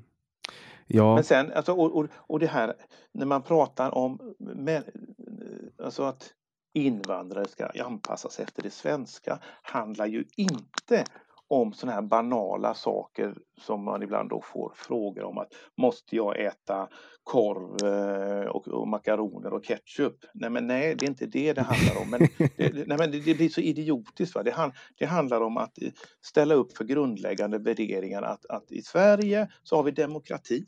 Vi har yttrandefrihet. Vi tror att män och kvinnor ska ha samma möjligheter, skyldigheter och rättigheter. Barn har rättigheter, djur har rättigheter i Sverige. Eh, massa sådana här saker som är grundläggande och ställer man upp på dem så är det ofta inget problem. Men vi har yttrandefrihet i Sverige, den, den, är, den är grundlagsfäst så att säga. Du, du, kan inte komma och, och säga att du får inte säga det här om, om min gud eller någonting sånt där för då, då blir jag arg. Men det kan man få bli, man kan få bli jättearg men man får inte göra något åt det. Mm. Vad tänker du om det här som har pågått under, under föregående höst då där man har hållit på man har typ eldat koraner och sådana saker? Det, det är ju egentligen pseudodebatt som jag inte heller orkat ta, men det ska jag, det är i och med att du frågar ska jag ta det. Eh, jag tycker inte att man behöver, man ska inte elda böcker. Punkt egentligen. Det, det, är liksom min grundinställning. Men jag tycker det är ganska idiotiskt att åka ut till Rosengård och elda en koran. Eh, jag skulle aldrig gjort det, jag skulle aldrig förordat det. Men om man men, äger boken då? Men det är hans rätt att göra det om han vill. Det är så. Eh, jag tycker det är onödigt, jag tycker att det är att, att piska upp stämning. Men, men jag skulle aldrig vilja förbjuda det. Du är ganska liberal då med andra ord? Jag har ju en liberal ådra, jag kommer ju från ett liberalt hem. Men, Fast är man jag, liberal om man är folkpartist? Och jag har ju nyligen efter tio år lämnat eh, Liberalerna på grund av att... Men jag brukar ju säga att jag är, jag är konservativ och nationalist för att jag vill bevara de mycket liberala värderingarna vi har i Sverige. Vad är nationalist för dig då? Nej, men jag tror ju på, på nationalstaten. Jag tror ju att, att eh, Eh, man, brukar, man brukar säga liksom eh, eh familj, hembygd, fäderneslandet. Det är de här tre sakerna som, som man vill bygga på. Jag tror att det är så bra om människor i nation har samma grundläggande mål och, och, riktning. Vad är det vi vill? Vi har en, vi har en, liksom en samhörighet här i det här landet. Och sen, eh, jag, jag, tror att det är bra för ett samhällsbygge. Jag tror det. Och sen får det naturligtvis finnas olikheter inom, inom nationen. Eh, det är inte heller något konstigt, men jag tror att det är bra om så många som möjligt har en en större gemenskap och känner en, en gemenskaphet. Det, det, tror jag. Jag tror att det är bra för samhället. Jag tror att det är bra för nationen. Och nationalism är ju, den frodas väl aldrig så mycket som när, när vi har fotbollslag och hockeylag som spelar, eller Eurovisionsschlagerfestivalen, eller vad det heter. Jag, kommer, jag vet inte riktigt vad det heter för jag tittar inte på det, men jag har ingenting emot att folk tittar på det. Eh, när, när han Musse ska åka och nu och sjunga. Det är klart att det är en jättegrej för Sverige.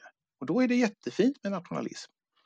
Okej, okay. uh, eh, för folk tänker ju vanligtvis på nationalism. Alltså nationalism är ju någonting som har blivit fult i Sverige. ja, ju, men det, för mig är det inte det överhuvudtaget. Jag, jag, jag, förstår inte varför det skulle ha blivit ett skällsord. Faktiskt. Så, så hur är en, en typisk nationalist uh, för dig då? Så, så, nej, men som mig. Man, nej, men, man, man, är, man är naturligtvis Först är man ju stolt och glad över det land och det, jag tror att de flesta är nationalister. Eh, och, och alla som kommer hit är, är väl stolta över sitt land och, och, och, vill hylla sitt land och säga att det har funnits massa... Det finns väl inte någon irakier i, i, i Sverige som... Naturligtvis kan man avsky dem förhoppningsvis den regimen som, som avsattes i Irak och så här, men, men historia och sitt lands och, och det som folk har kämpat för, det, det är klart att man måste vara stolt över det. Jag tror att det är, en, det är en tillhörighet, att jag är svensk, jag är stolt, jag är glad att jag är född i Sverige. Det är ett fantastiskt land, det kunde ha blivit mycket bättre och det, det ska bli mycket bättre. Uh, var, var, gick Sverige fel då? För att jag antar att du anser att, att Sverige inte är superbra som det är idag med tanke på att Nej, du... så, nej. nu kommer vi tillbaka till sånt här att, att vi blir ju egentligen beskyllda, eller inte egentligen, ibland blir vi beskyllda att, att vi vill tillbaka till 50-talet. Vi ska ha en tv-kanal, en radiokanal. Kvinnan ska stå framför spis, inne i köket framför spisen. Och det, det, finns inte en sverigedemokrat som jag vet som vill ha det så. Däremot så, så har Sverige, skulle Sverige kunna blivit så mycket bättre under de senaste 30-40 åren. Eh, inte 40, kanske 30 åren. Och det är ju på grund av att vi har blivit mångkulturalistiskt samhälle. Att vi har tagit in alldeles för många människor som idag inte är en del av det svenska, som, som, inte kan bli en del av det svenska, som inte vill bli en del av det svenska. Vi har jättemånga segregerade förorter, särskilt utsatta områden där människor inte får chansen eller vill bli en del av det svenska. Och det är det som har gått snett. Och mångkulturalismen är ju död. Det sa Angela Merkel för ett antal år sedan. Det sa James Cameron också när han var premiärminister i, England. Att själva mångkulturalismen den är, den är död. Det är ingen som pratar om den längre. Men det här är väl det Sverige har nu, mångkultura, mångkulturalism? Ja, ja vi, har, vi, har, vi har, inte mångkulturalism, det skulle ju betyda att vi har många kulturer som är lika mycket värda där, där vi säger att ni, er kultur är lika mycket värd, ni får göra vad ni vill inom den. Alltså man får stifta olika lagar, man har, man har olika regler och sånt för, för olika grupper i Sverige och det tycker inte jag att vi ska ha. Och, och det, den pratar man ju om att det har man ju inte längre, det försöker man ju frångå så att säga. Det, svensk Sverige har en Sveriges rikes lag, den ska gälla för alla. Punkt. Men är alla kulturer lika värda? Nej, det är klart de inte är. Självklart inte. Har du ett exempel på en, en sämre eh, kultur? Ja, jag skulle, om, om man kan kalla det kultur, men, men jag skulle säga Tyskland under 30 och 40-talet eh, var väl, hade väl inte så bra kultur. Nej, det är sant. Det är, Nej, precis. Va? Det är ju punkt. Va? Eh, släng, där man slänger eh, homosexuella från tak tycker jag är en väldigt dålig kultur. Där man, där man skär av kvinnor sina könsorgan tycker jag är väldigt dålig kultur. Det finns ju naturligtvis massa dåliga kulturyttringar i vissa kulturer. Jag tycker att den västländska kulturen har, har, är ganska bra. Den har gynnat oss väldigt bra, i varje fall här i, i Europa. Vi, vi har kommit väldigt långt på vägen med demokrati och ett antal rättigheter som man har i, i de här länderna. Och det, det, det är bra. Sen är inte allt 100 procent perfekt. Det finns mycket vi ska jobba på. Mm. Vad är bra med, med svensk kultur då? Nej, men svensk, det är naturligtvis att vi har då kommer vi ner på sådana här grundläggande värderingar som vi pratade om innan. Det är naturligtvis att jag är fri. Vi människor är fria i Sverige. Vi är fria att yttra vad vi vill. Vi är fria att älska vem vi vill. Vi är fria att, att göra vad vi vill eh, i den mån vi har skaffar oss utbildning. Men vi, vi är inte hindrade. Vi kan göra klassresor. Vi kan eh, förverkliga oss själva. Vi har eh, alltså alla de här fri och rättigheterna är ju det är ju, liksom, det är ju grunden någonstans. Eh, sen har vi fantastisk natur och vi har en fantastisk historia, vi har ett fantastiskt kulturliv, vi, har musik, vi, vi skapar ju musik i världsklass. Nu var ju Molly Sandén i, på, Oscarsgalan häromdagen och sjöng. Eh, så att det finns ju alltså massa saker som är fantastiskt med Sverige. Sen är det, Sverige är fantastiskt vackert tycker jag. Sen tycker jag att det skulle vara sommar året om, men det är en annan sak. Mm, det, alltså det, eh. det, skulle, det, skulle fan, det, borde ni, det borde ni rösta igenom nu när det Ja, ja, här, ja, ja, ja, vi, har ju, vi har ju röstat igenom att, att Göteborg ska vara en kärnvapenfri kommun, så vi kan väl rösta igenom att vi ska ha sommar året om också. Ja, ja så man har ju, man har ju uh, utropat klimatnödläge i vissa olika delar av Sverige. Ja i vissa kommuner. Men just det här, jag vet inte, i och med att du är från Åland då, att, att vi, vi har ju röstat igenom att Göteborg ska vara en kärnvapenfri zon och det är ingenting som en kommun överhuvudtaget har rådighet över. Vi har ju fått skit i förvaltningsrätten att det, där är inte olagligt men att ni kan inte ta de besluten. Det är lite intressant, alltså vad, vad ska kommunen förbjuda ja. eh, militären? Kärnvapen. Ja, inga kärnvapen i Göteborg. Och det, det är en nationell fråga. Det, är ju liksom, det, det, kan inte, det kan inte kommunen säga någonting om utan det är, det är riksdagen och, för, och försvaret naturligtvis som, som har hand om det där. Ja, det där får man ju faktiskt. Alltså, mm. det, där, det där är också så här, för jag tror att det var Öland som, som, ju, som, som uh, utropade klimatnödläge också. Ja, men vi har, jag, tror, jag, jag, vet inte, vet vad, jag vet inte om vi har, jag tror inte vi har gjort det i, i Göteborg. Jag vet att Miljöpartiet och de vill utropa att vi ska ha klimatnötläge. Men jag, nej, vi har inte röstat igenom det än, tror jag. Mm. Men det är så mycket dumt här i Göteborg så det är inte sant. Idag har jag ju suttit nästan hela dagen här. Nu ska du få höra. Eh, Göteborgs kommun har då anställt en barndag, eh, dagbarnvårdare, alltså eh, som har hand om barn för kommunens räkning. Betalar då kommunala pengar. Hon bor ihop med en terrordömd man. Terroriststäm. Han har suttit i fängelse och blivit dömd för terroristbrott. Det betalar, och barnen är ju hemma hos de här. mannen och kvinnan. Det är fullständigt vansinnigt att man kan göra så. Ja, det är lite konstigt. För det... Ja. Att vi inte har någon koll. Men det har vi inte i Göteborg tyvärr. Vad beror det ju- på då? Ja, det, det beror nog på det här myndighets-Sverige och att kommunerna överhuvudtaget inte har den kollen man borde ha. Vi har ju tyvärr, Göteborg har ju blivit känt som näste för eh, många IS-krigare. Jag vill inte säga IS-resenärer. Som, jag tror att det är över 120 stycken som har rest från Göteborg till, till Syrien och Irak och stridit för kalifatet. Ja, ni hade ju han här kända Mikael Skråmo som dog. Mikael Skråmo, hans barn är ju tillbaka här i Göteborg. Hur gamla är de då? Ja, det, det ska jag inte gå in på, men de är ganska små. De, de är ganska många så att de är lite olika ålder. Men de är inte liksom så att de kan ha blivit radikaliserade. Så här, jag vill, jag vill inte gå in på här, hans barn och sånt för det kan vara sekretess på massa åldrar och så här. Men, men eh, om man har sparkat fotboll med avhuggna huvuden.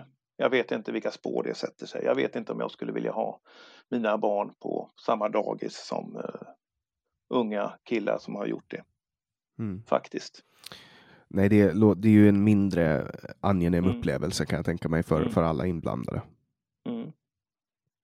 Men där var jag ju... Men det- har det här hänt alltså? Eller är det bara i teorin som det skulle kunna ha hänt?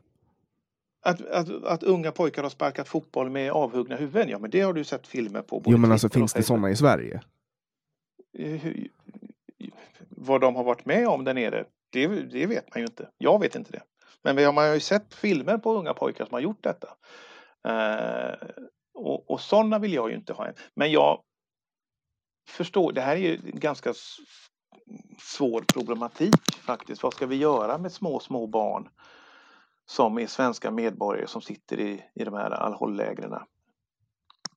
Ja, vi kan ju inte kasta dem i sjön. Vi måste ju göra Nej, ja, och, och, och, och då kan man ju säga att ja, de är, de är Sveriges ansvar för de är svenska medborgare. Då kan vi antingen säga bra, vi tar hem de här barnen, men inte deras föräldrar. Skulle jag kunna tänka mig att säga. Och säger föräldrarna då att nej, jag vill vara med mina barn, bra, då har du gjort ditt val. Mm. Ja, eller så kan man ju, USA brukar ju, de är ju inte uh, obekanta för att skicka ner eh, styrkor och liksom ta tag i det själva. Ja, eh, nu vet jag inte vad du pratar om, tänkte jag säga. Det, det Nej, jag men inte alltså de-. Nej men alltså de skickar ju ner, de skickar ju ner militärer och så gör de operationer utomlands Mm. liksom. Men, men det håller ju inte Sverige på med. nej, det hoppas jag inte att vi gör. Mig Och- i alla fall. Och ib- ibland, det är lite skönt ibland, så här, jag är ju kommunpolitiker så att när det blir så här för, för svåra frågor som jag egentligen inte har att göra med så kan jag säga det där rör inte kommunen, det är inte min fråga. Mm.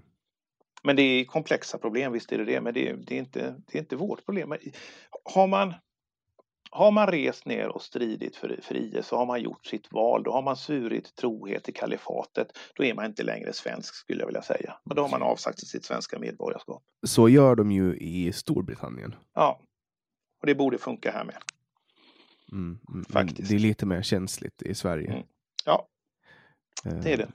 Att där har man ju till och med tagit bort folks eh, medborgarskap. Om Ja. de har IS-krig. Ja. Men det, har, det gör man inte i Sverige va?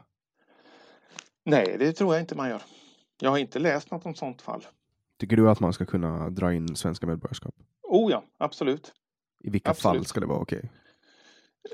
Ja, så, så, för det första måste man ju ha dubbla medborgarskap om man, om man överhuvudtaget ska kunna göra det tycker jag. Eh, och det har vi ju i Sverige.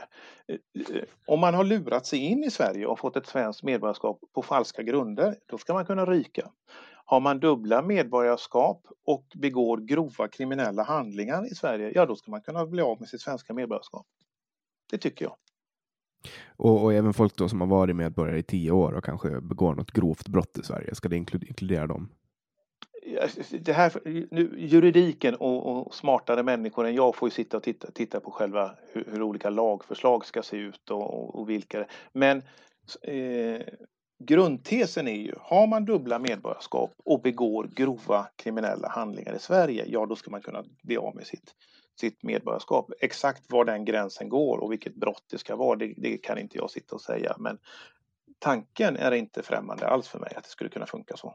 Mm. Och är man, skulle man vara då kan man ju ställa sig frågan, precis som du sa, men om någon har bott här i tio år, ska han vara orolig? för men Han kanske ska vara orolig över att han blir kriminell och det är det han ska tänka på. Eller om han blir orolig att oj, om tio år om jag blir kriminell så blir jag av med mitt svenska medborgarskap. Om han är orolig för det, ja då kanske han ska säga upp sitt andra medborgarskap. Då har han ju bara ett medborgarskap. Alltså det finns, man, kan, man har också ett, ett, ett eget val så att säga. Individen har ju ett ansvar. Mm. Nej men så är det ju. Uh, absolut. Uh, men alltså vad, vad, är det som gör, tror du, att um, som nu till exempel då att Sverige, nej men Socialdemokraterna, de använder ju nu, alltså de har ju steppat upp sin retorik mm. om att Sverigedemokraterna är ett, nazist, ett, mm. parti, ett rasistiskt parti med, med rötter i eh, nazisterna. Va, vad är det som gör att, att man, man har, kör så hårt på det nu, tror du? Ja, om man, de tycker väl att det har fungerat. De 2010, 2014 och 2018 har de väl tyckt att det varit en bra strategi. Jag tycker inte att det har varit det. För, för det är ju samma sak som de upprepar nu för fjärde valet i rad. Eh, och jag, jag, tror ju att det handlar om att man vill skrämma bort eh, eventuella liberaler Eh, ett visst antal sossar som är på väg till oss, alltså de här marginalväljarna. Det är, det är ju de alla partier slåss om. Så att det är ju ett väldigt få eh, antal som man liksom försöker eh, vinna över eller, eller inte skall gå över till Sverigedemokraterna. Göra det kanske lite svårare för, för Ebba Busch Thor och Ulf Kristersson att, att eh, knyta en eh, bättre band med oss. Jag tror att det är sådana saker som ligger i, i fatet. Eller ehm. ligger i, ligger i deras intresse. Hur samarbetar ni med Moderaterna och Kristdemokraterna i Göteborg? Eh, vi, du är ju inte eh, göteborgare, jag tänkte här, Politiken i Göteborg är helt annorlunda än, än resten av Sverige skulle jag vilja säga. Ja, vi har ett bra samtal med vår kommunstyrelses ordförande i, Göteborg. Han är moderat. Eh, vi har kontakt och vi pratar och jag pratar med andra partier också. Eh, men i Göteborg har ju styrts utav Socialdemokraterna i 24 år.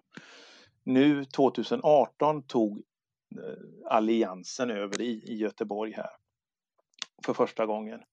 Och de styr i extrem minoritet Det är Moderaterna, Kristdemokraterna, Centerpartiet och Liberalerna. De har 24 mandat av 81 i fullmäktige och styr staden. Sverigedemokraterna är inte vågmästare i Göteborg. Och han behöver inte våra röster. Det viktigaste för Alliansen i Göteborg är att hålla ihop Alliansen, inte göra Sverigedemokraterna glada. Så att, så att vi har liksom inte haft någon ingång med, med, för det är ju Liberalerna och Centern som har liksom har satt käppar i hjulet där. Så det finns liksom ingen anledning för han att eh, göra oss till lags, för då skulle han göra eh, Liberalerna och Centern i sin egen allians sura. Så att, och det är jag medveten om, det parlamentariska läget ser ut så. Men, men att vi, vi för samtal, absolut. Men du påminner mycket om, om hur det pågår i övriga delar av landet och rikspolitiken till exempel? Ja, det är så här att jag skulle ju säga att Socialdemokraterna på riksnivå är, är, är, är dåliga och jag skulle säga att Moderaterna på, riks, på Eh, plan är ganska bra, alltså om vi generaliserar. I Göteborg är det tvärtom. De som har närmat sig oss Sverigedemokraterna, det är Socialdemokraterna. Eh, vi har lagt förslag om att man ska ha språkkrav inom äldreomsorgen. Det har Socialdemokraterna stött. Ja, inte våra förslag, men de lägger exakt likadana. Det har då Moderaterna här röstat nej till. Vi har, röst, vi har försökt stoppa e-bolagen som gör då att man eh, Eh, migranter kan flytta var man vill i Sverige. Den vill vi stoppa, det vill Socialdemokraterna stoppa. Eh, de lägger väldigt liknande förslag som vi gör och det gör då inte Moderaterna. De röstar nej till det här istället. Så det är tvärtom här i Göteborg jämfört med rikspolitiken. Jag skulle säga att jag står mycket närmare Socialdemokraterna i en rad frågor här i Göteborg än vad jag står Moderaterna. Mm. Vilket är väldigt konstigt för, jag, för det är Moderaterna som jag någonstans ändå känner att det är, det är de som är den naturliga samarbetspartner vi har, åtminstone på riksnivå. eh, samma idéer och samma visioner och, och, och riktning på vart vi vill. Mm. Vad, vad skiljer eh, Sverigedemokraterna i Göteborg då från övriga landet? Vad som skiljer? Ja, jag skulle säga att det som skiljer, eh, då får man ju skryta lite eller? Ja, ja. Det är okay. ja, ja, ja. Nej, men vi, vi har det ju ganska bra här i Göteborg till så vidare att det är en stor stad. Vi har, eh, man lägger mycket pengar på politiken. Ja, vi har ju fyra stycken anställda eh, under mig så att vi, jobb, vi har ju tid att jobba med politik. Vi jobbar fram väldigt mycket politiska förslag. Vi har egna förslag eh, varenda vecka på, på andras ärenden så att säga. Vi jobbar fram politik och det delar vi med oss till resten av, av Sverige, till resten av, av, av våra 290 kommuner som vill ta del av det som vi jobbar fram. Så vi är väldigt framåt, vi är väldigt drivna, vi, vi försöker skapa politik i alla områden där vi saknat politik. Så att vi, vi är väldigt drivna så. Och det vet jag, det har vi fått väldigt bra kritik från andra partier att, att de läser igenom våra förslag för de tycker att de är välskrivna, de tycker att vi förstår det här, det som det handlar om. Sen håller de inte alltid med oss men, men de tvingas att läsa igenom de sakerna vi faktiskt skriver och vi kan ju skriva 20-30 saker till varje kommunstyrelsemöte. Mm. Och det, det, fick jag en fråga när jag var politisk sekreterare av en större tidning här i GP, eller säger här i Göteborg, eh, frågade varför, om det fanns någon strategi att vi, att vi hade så många åsikter, att vi skrev så mycket dokument och sådana saker. Och då svarar jag att nja, någon riktig strategi så finns det väl inte, men om vi inte hade gjort det, då hade du skrivit att vi inte hade gjort något, eller hur? Då mm. skrattade han bara och sa ja, det hade jag gjort. Mm. Så att det finns ju en, vi vet ju det också. Har vi fyra anställda så måste de måste ju jobba. Det är ju skattebetalarnas pengar som går till dem. De kan ju inte bara sitta och rulla tummarna. Mm. Nej, eh, och du har ju gått då från att vara eh, anställd till att bli kommunalråd. Vad är det största, högsta man kan bli? Det är ordförande i kommunstyrelsen? Det är kommunstyrelsens ordförande, ja precis. Och då och jobbar det, man på heltid? Det gör man, det gör man absolut. Eh, precis som jag. Han är ju kommunalråd också. Han har ju naturligtvis mer ersättning. Eh, en högre ersättning, men det spelar inte så stor roll. Det är ett väldigt ansvar också att vara kommunstyrelsens ordförande i Göteborg. Men jag menar, vad gör man? Alltså, så här, ordförande i kommunstyrelsen och, och, medlem av kommunstyrelsen, då ska man ju sammanträda och verkställa det som... Ja, ja. Han, är, han är ju det högsta hönset i, i, i Göteborg. Det är ju han som leder staden. Det är han som, eh, som, som, som ska se Det är ju han som är den högst ansvariga hur Göteborg sköts tillsammans med stadsdels, stadsdirektören. Hur, hur ofta sammanträder fullmäktige i Göteborg? Då? Fullmäktige en gång i månaden. Kommunstyrelsen har eh, två gånger i månaden, varannan vecka. Under corona så sammanträdde kommunstyrelsen tre gånger i veckan. Oj. Okay. Tre ja, gånger i veckan? Ja. Från två gånger i månaden till tre gånger i veckan? Ja.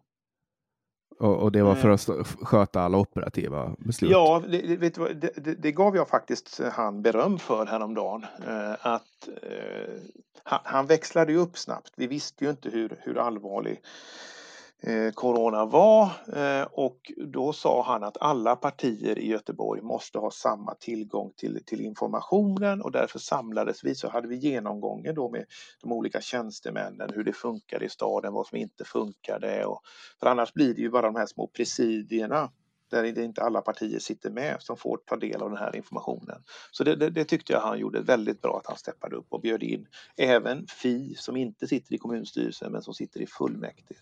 Bjöd han in till dessa träffar. Mm. Det, det, det, ska han ha en eloge för faktiskt. Just det. Vad, vad heter han? Axel Josefsson, moderat. Just det. Um, okay. Han är dessutom gammal arbetskompis till mig faktiskt, eh, upptäckte vi. Vi har jobbat på samma företag för ja vad kan det vara, 10-15 år sedan. Är Göteborg en liten stad då? Ja, jo, men det, är, det är en, en stor liten stad. Mm. Så um, Men, men alltså att sitta i kommunstyrelsen, det innebär ju att man sitter med i majoritets eh, Alltså att man sitter med i majoritetsblocket eller har ni någon Nej, nej, vi, nej, nej, nej. I, i, I kommunstyrelsen så sitter då proportionerligt från de olika partierna. I, I Göteborg är det så. Så att det, det sitter ju fyra från Alliansen, en från Sverigedemokraterna, de sitter tre från Socialdemokraterna, två vänsterpartister, en miljöpartist och sen så har vi två demokrater. Så att det, det är liksom proportionerligt delat på partier hur man har kommit in. Ni har alltså och, en tvingad samlingsregering? Ja, och där, det, nu har jag glömt säga det här att Alliansen som vi sa, de har bara 24 mandat av 81 i fullmäktige. Det är en jätteliten minoritet. Socialdemokraterna i Göteborg, de har under de senaste åren försökt distansera sig från Vänsterpartiet och Miljöpartiet. I synnerhet ja, det, låter ju, det låter ju ganska vettigt. Ja, eh, de hade en, en uh, Ann-Sofie Hermansson hette hon som var kommunstyrelsens ordförande innan valet. Hon var då socialdemokrat. Hon vägrade ju befatta sig med identif identif identitetspolitiken. Hon sa att den är anskrämlig. Den är för, den är, den, det är ingenting vi ska hålla på med. Hon blev ju sen borttvingad från Socialdemokraterna. Eh, men vad jag skulle vilja komma till, jo, det är att sossarna är då inte ihop med Vänsterpartiet och Miljöpartiet i Göteborg. Så att det finns då Alliansen i ett block, Miljöpartiet och Vänstern är ett block, Socialdemokraterna är ett block. Sen har vi ett nytt parti som heter Demokraterna som är stora. Och det är typ ett, ett sånt lokalparti som Örebroparti ja, lokal, och Malmölistan och så vidare. Precis, precis. Och sen är det vi. Så det finns egentligen fem block. Och då har Alliansen gjort en valteknisk samarbete med Vänsterpartiet och Miljöpartiet här i Göteborg. Alliansen, Miljöpartiet och Vänsterpartiet har skrivit på ett papper att vi har valtekniskt samarbete. Ni är det största oppositionsblocket. Ni får alla presidieplatser, så sossarna har ingen. Så att de, de har ju gått ihop eh, och insett då att vi, de är en sån liten minoritet men sannolikheten att sossarna, Miljöpartiet, Vänstern, Sverigedemokraterna och Demokraterna röstar på samma förslag är väldigt liten. Så de får igenom sina saker faktiskt. Det ska man också ge han cred för. Okej, okay. han har alltså gett oppositionen eh, platser ja. för att liksom ja. eh, tygla, för att, tygla dem? Ja, för att han ska få igenom sin budget. De har skrivit ett avtal. Jag har inte sett det här avtalet. Jag har läst om det i tidningarna där då Vänsterpartiet och Miljöpartiet förbinder sig att inte rösta på någon annans budget än sin egen. Så kan man ju också styra. Det är ju, ja. lite, det är ju lite mer kreativt än den ja. eh, rikspolitiska konstruktionen som mm. finns. Där... Jo, men jag säger det. Han Axel, han ska ha cred att han liksom har lyckats eh, eh ta sig igenom detta och faktiskt fått till ett alliansstyre så att han, han, är, han är inte osmart på något sätt. Har han en framtid i, i, i Stockholm tror du? Jag, jag, tror inte han vill det. Alltså jag, så här, jag vet inte hur många kommunpolitiker som vill till Stockholm. Jag tror att det där är en, är en i synnerhet inte om man är kommunalråd som ändå är en heltidsarvoderad tjänst så vill man nog hellre vara i kommunen tror jag. Jag tror det, men, men det, är, det är bara vad jag, vad jag tror. Nej, men så kan det vara. Det är väl kanske inte lika ja. kul med, med, med rikspolitik, tänker jag. Alltså. Menar du, rikspolitik är inte alls lika kul? Mm. Jo, det, jo jag, jag brukar... Jag skulle ju sagt det när du frågade om jag vill till riksdagen. Vad ska jag göra i riksdagen? Det, ja, det enda jag... Det enda, knappar och Ja, precis. Men alltså, vad, vad, ska jag säga? Eh, ska jag sitta i skatteutskottet? Jag kan ju knappt räkna. Ska jag sitta i EU-nämnden och hålla på med EU-papper? Aldrig i hela mitt liv. Ska jag sitta i trafikutskottet? Jag som knappt kan köra bil. Nej, men alltså, det, det, det funkar inte. Det enda jag skulle kunna göra det är kanske sitta i i justitieutskottet eller, eller prata migration. Liksom. Men där har vi ju hundra andra som är bättre än mig på det. Så det är liksom, jag har liksom ingen... Jag, har, jag, jag, vet inte vad jag skulle göra i riksdagen. Jag skulle sitta och trycka på en knapp, ja. Det är lite mer för karriärspolitiker kanske. Mm. Men jag vill ju göra karriär här i Göteborg. Jag vill ju jobba med det jag har gjort. Jag hoppas att jag blir återvald 2022. Är det kryssen som avgör eller är det in, internt? Nej, det är, det, är, det är internt i partiet naturligtvis som, som, som tar fram det. Mm. För vi har ju ett helt annat system på Åland. Eh, och det är alltså att eh, folk får ansluta sig till olika partier, men det är de som som får flest röster på, inom en lista då, som, som ja. får mandaten. Så och, säg till ja. exempel att eh, du, eh, Kalle A och Kalle B eh, ställer upp i en lista och du får flest röster och Kalle B får näst mest röster och ni får två mandat. Då är det ja. du och Kalle B som får. Jo, men lite så är det ju i, här också att vi till fullmäktige är det ju så att man kan personkryssa människor in till, till eh, fullmäktige. Och jag blev ju, jag blev, jag blev faktiskt idag Eh, utav de som sitter i fullmäktige idag så är jag den näst mest kryssade i, i hela Göteborg faktiskt.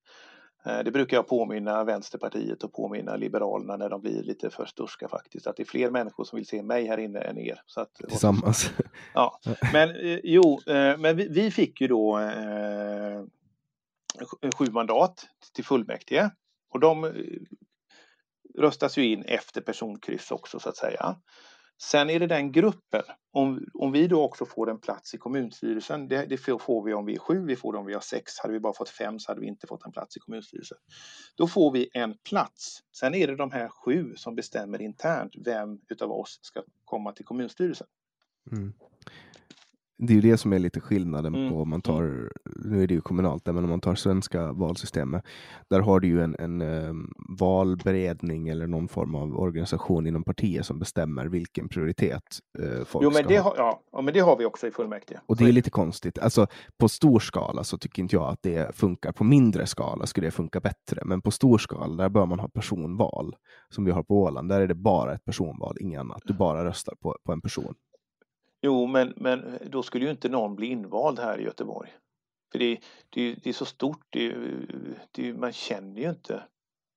Man är väldigt anonym i en stor stad. Men det är ju det då som skulle, är grejen. Det är det, ja, men, då skulle du, då skulle du behöva jo, jobba skulle, på att jobba upp ett namn.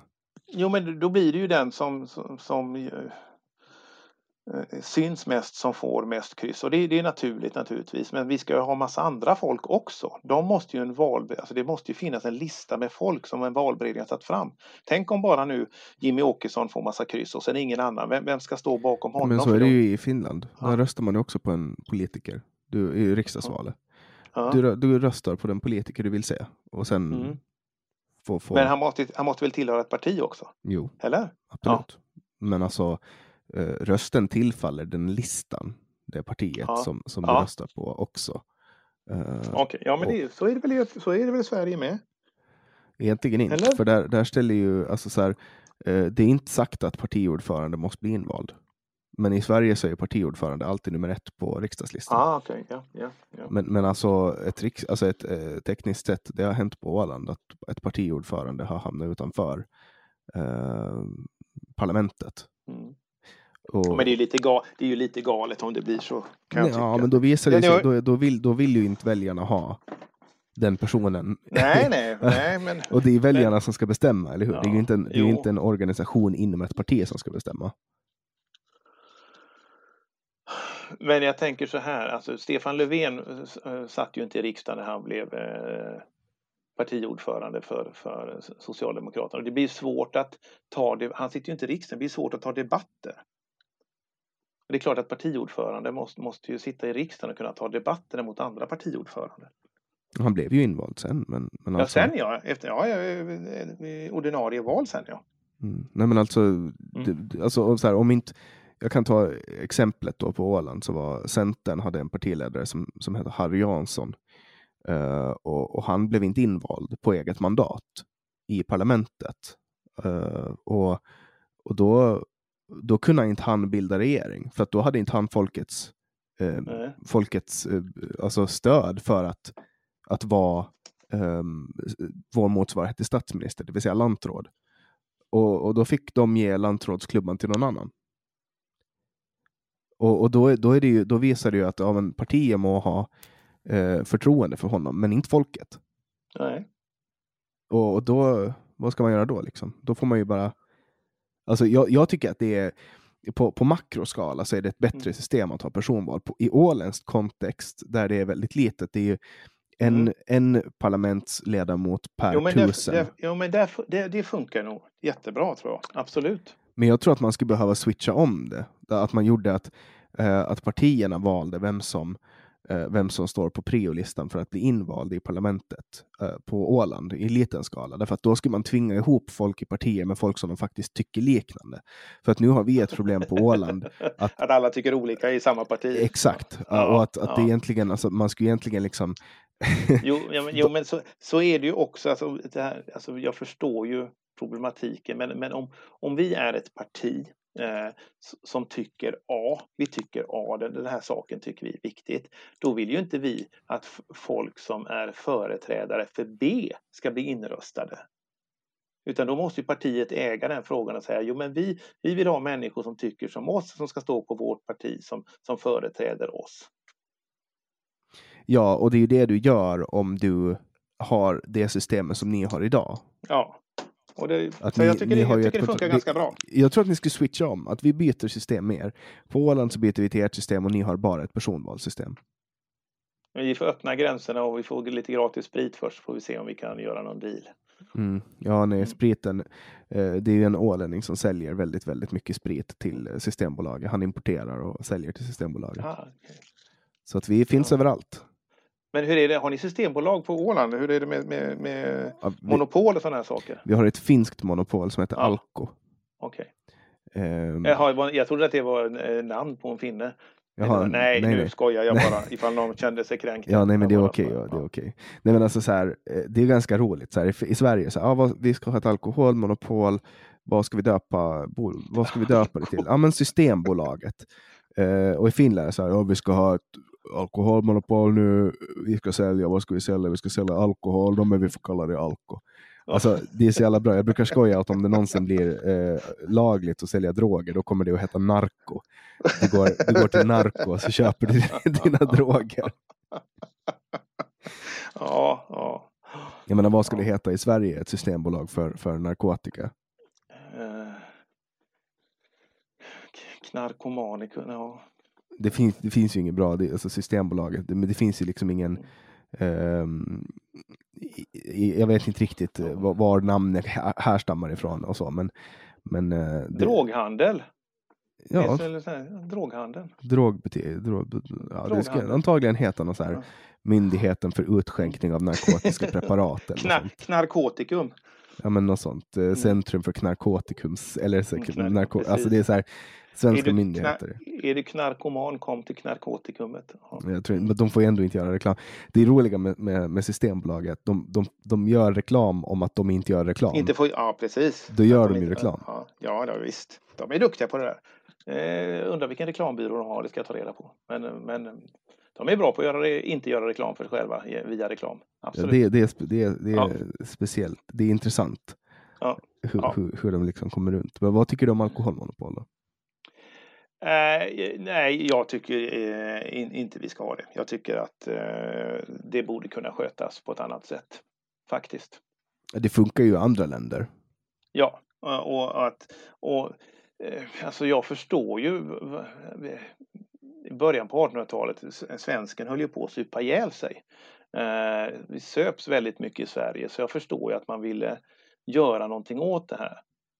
Idag tror jag att vi är vi har så mycket influenser från, från resten av Europa. Vi, vi dricker ju mer på vardagarna idag men vi fortsätter ha kvar det här helgsupandet som vi alltid haft jag tror att man skulle kunna lösa det här på mycket bättre sätt. Jag, jag, jag gillar ju Systembolaget av den anledningen att de, de är väldigt kunniga och de har väldigt brett sortiment.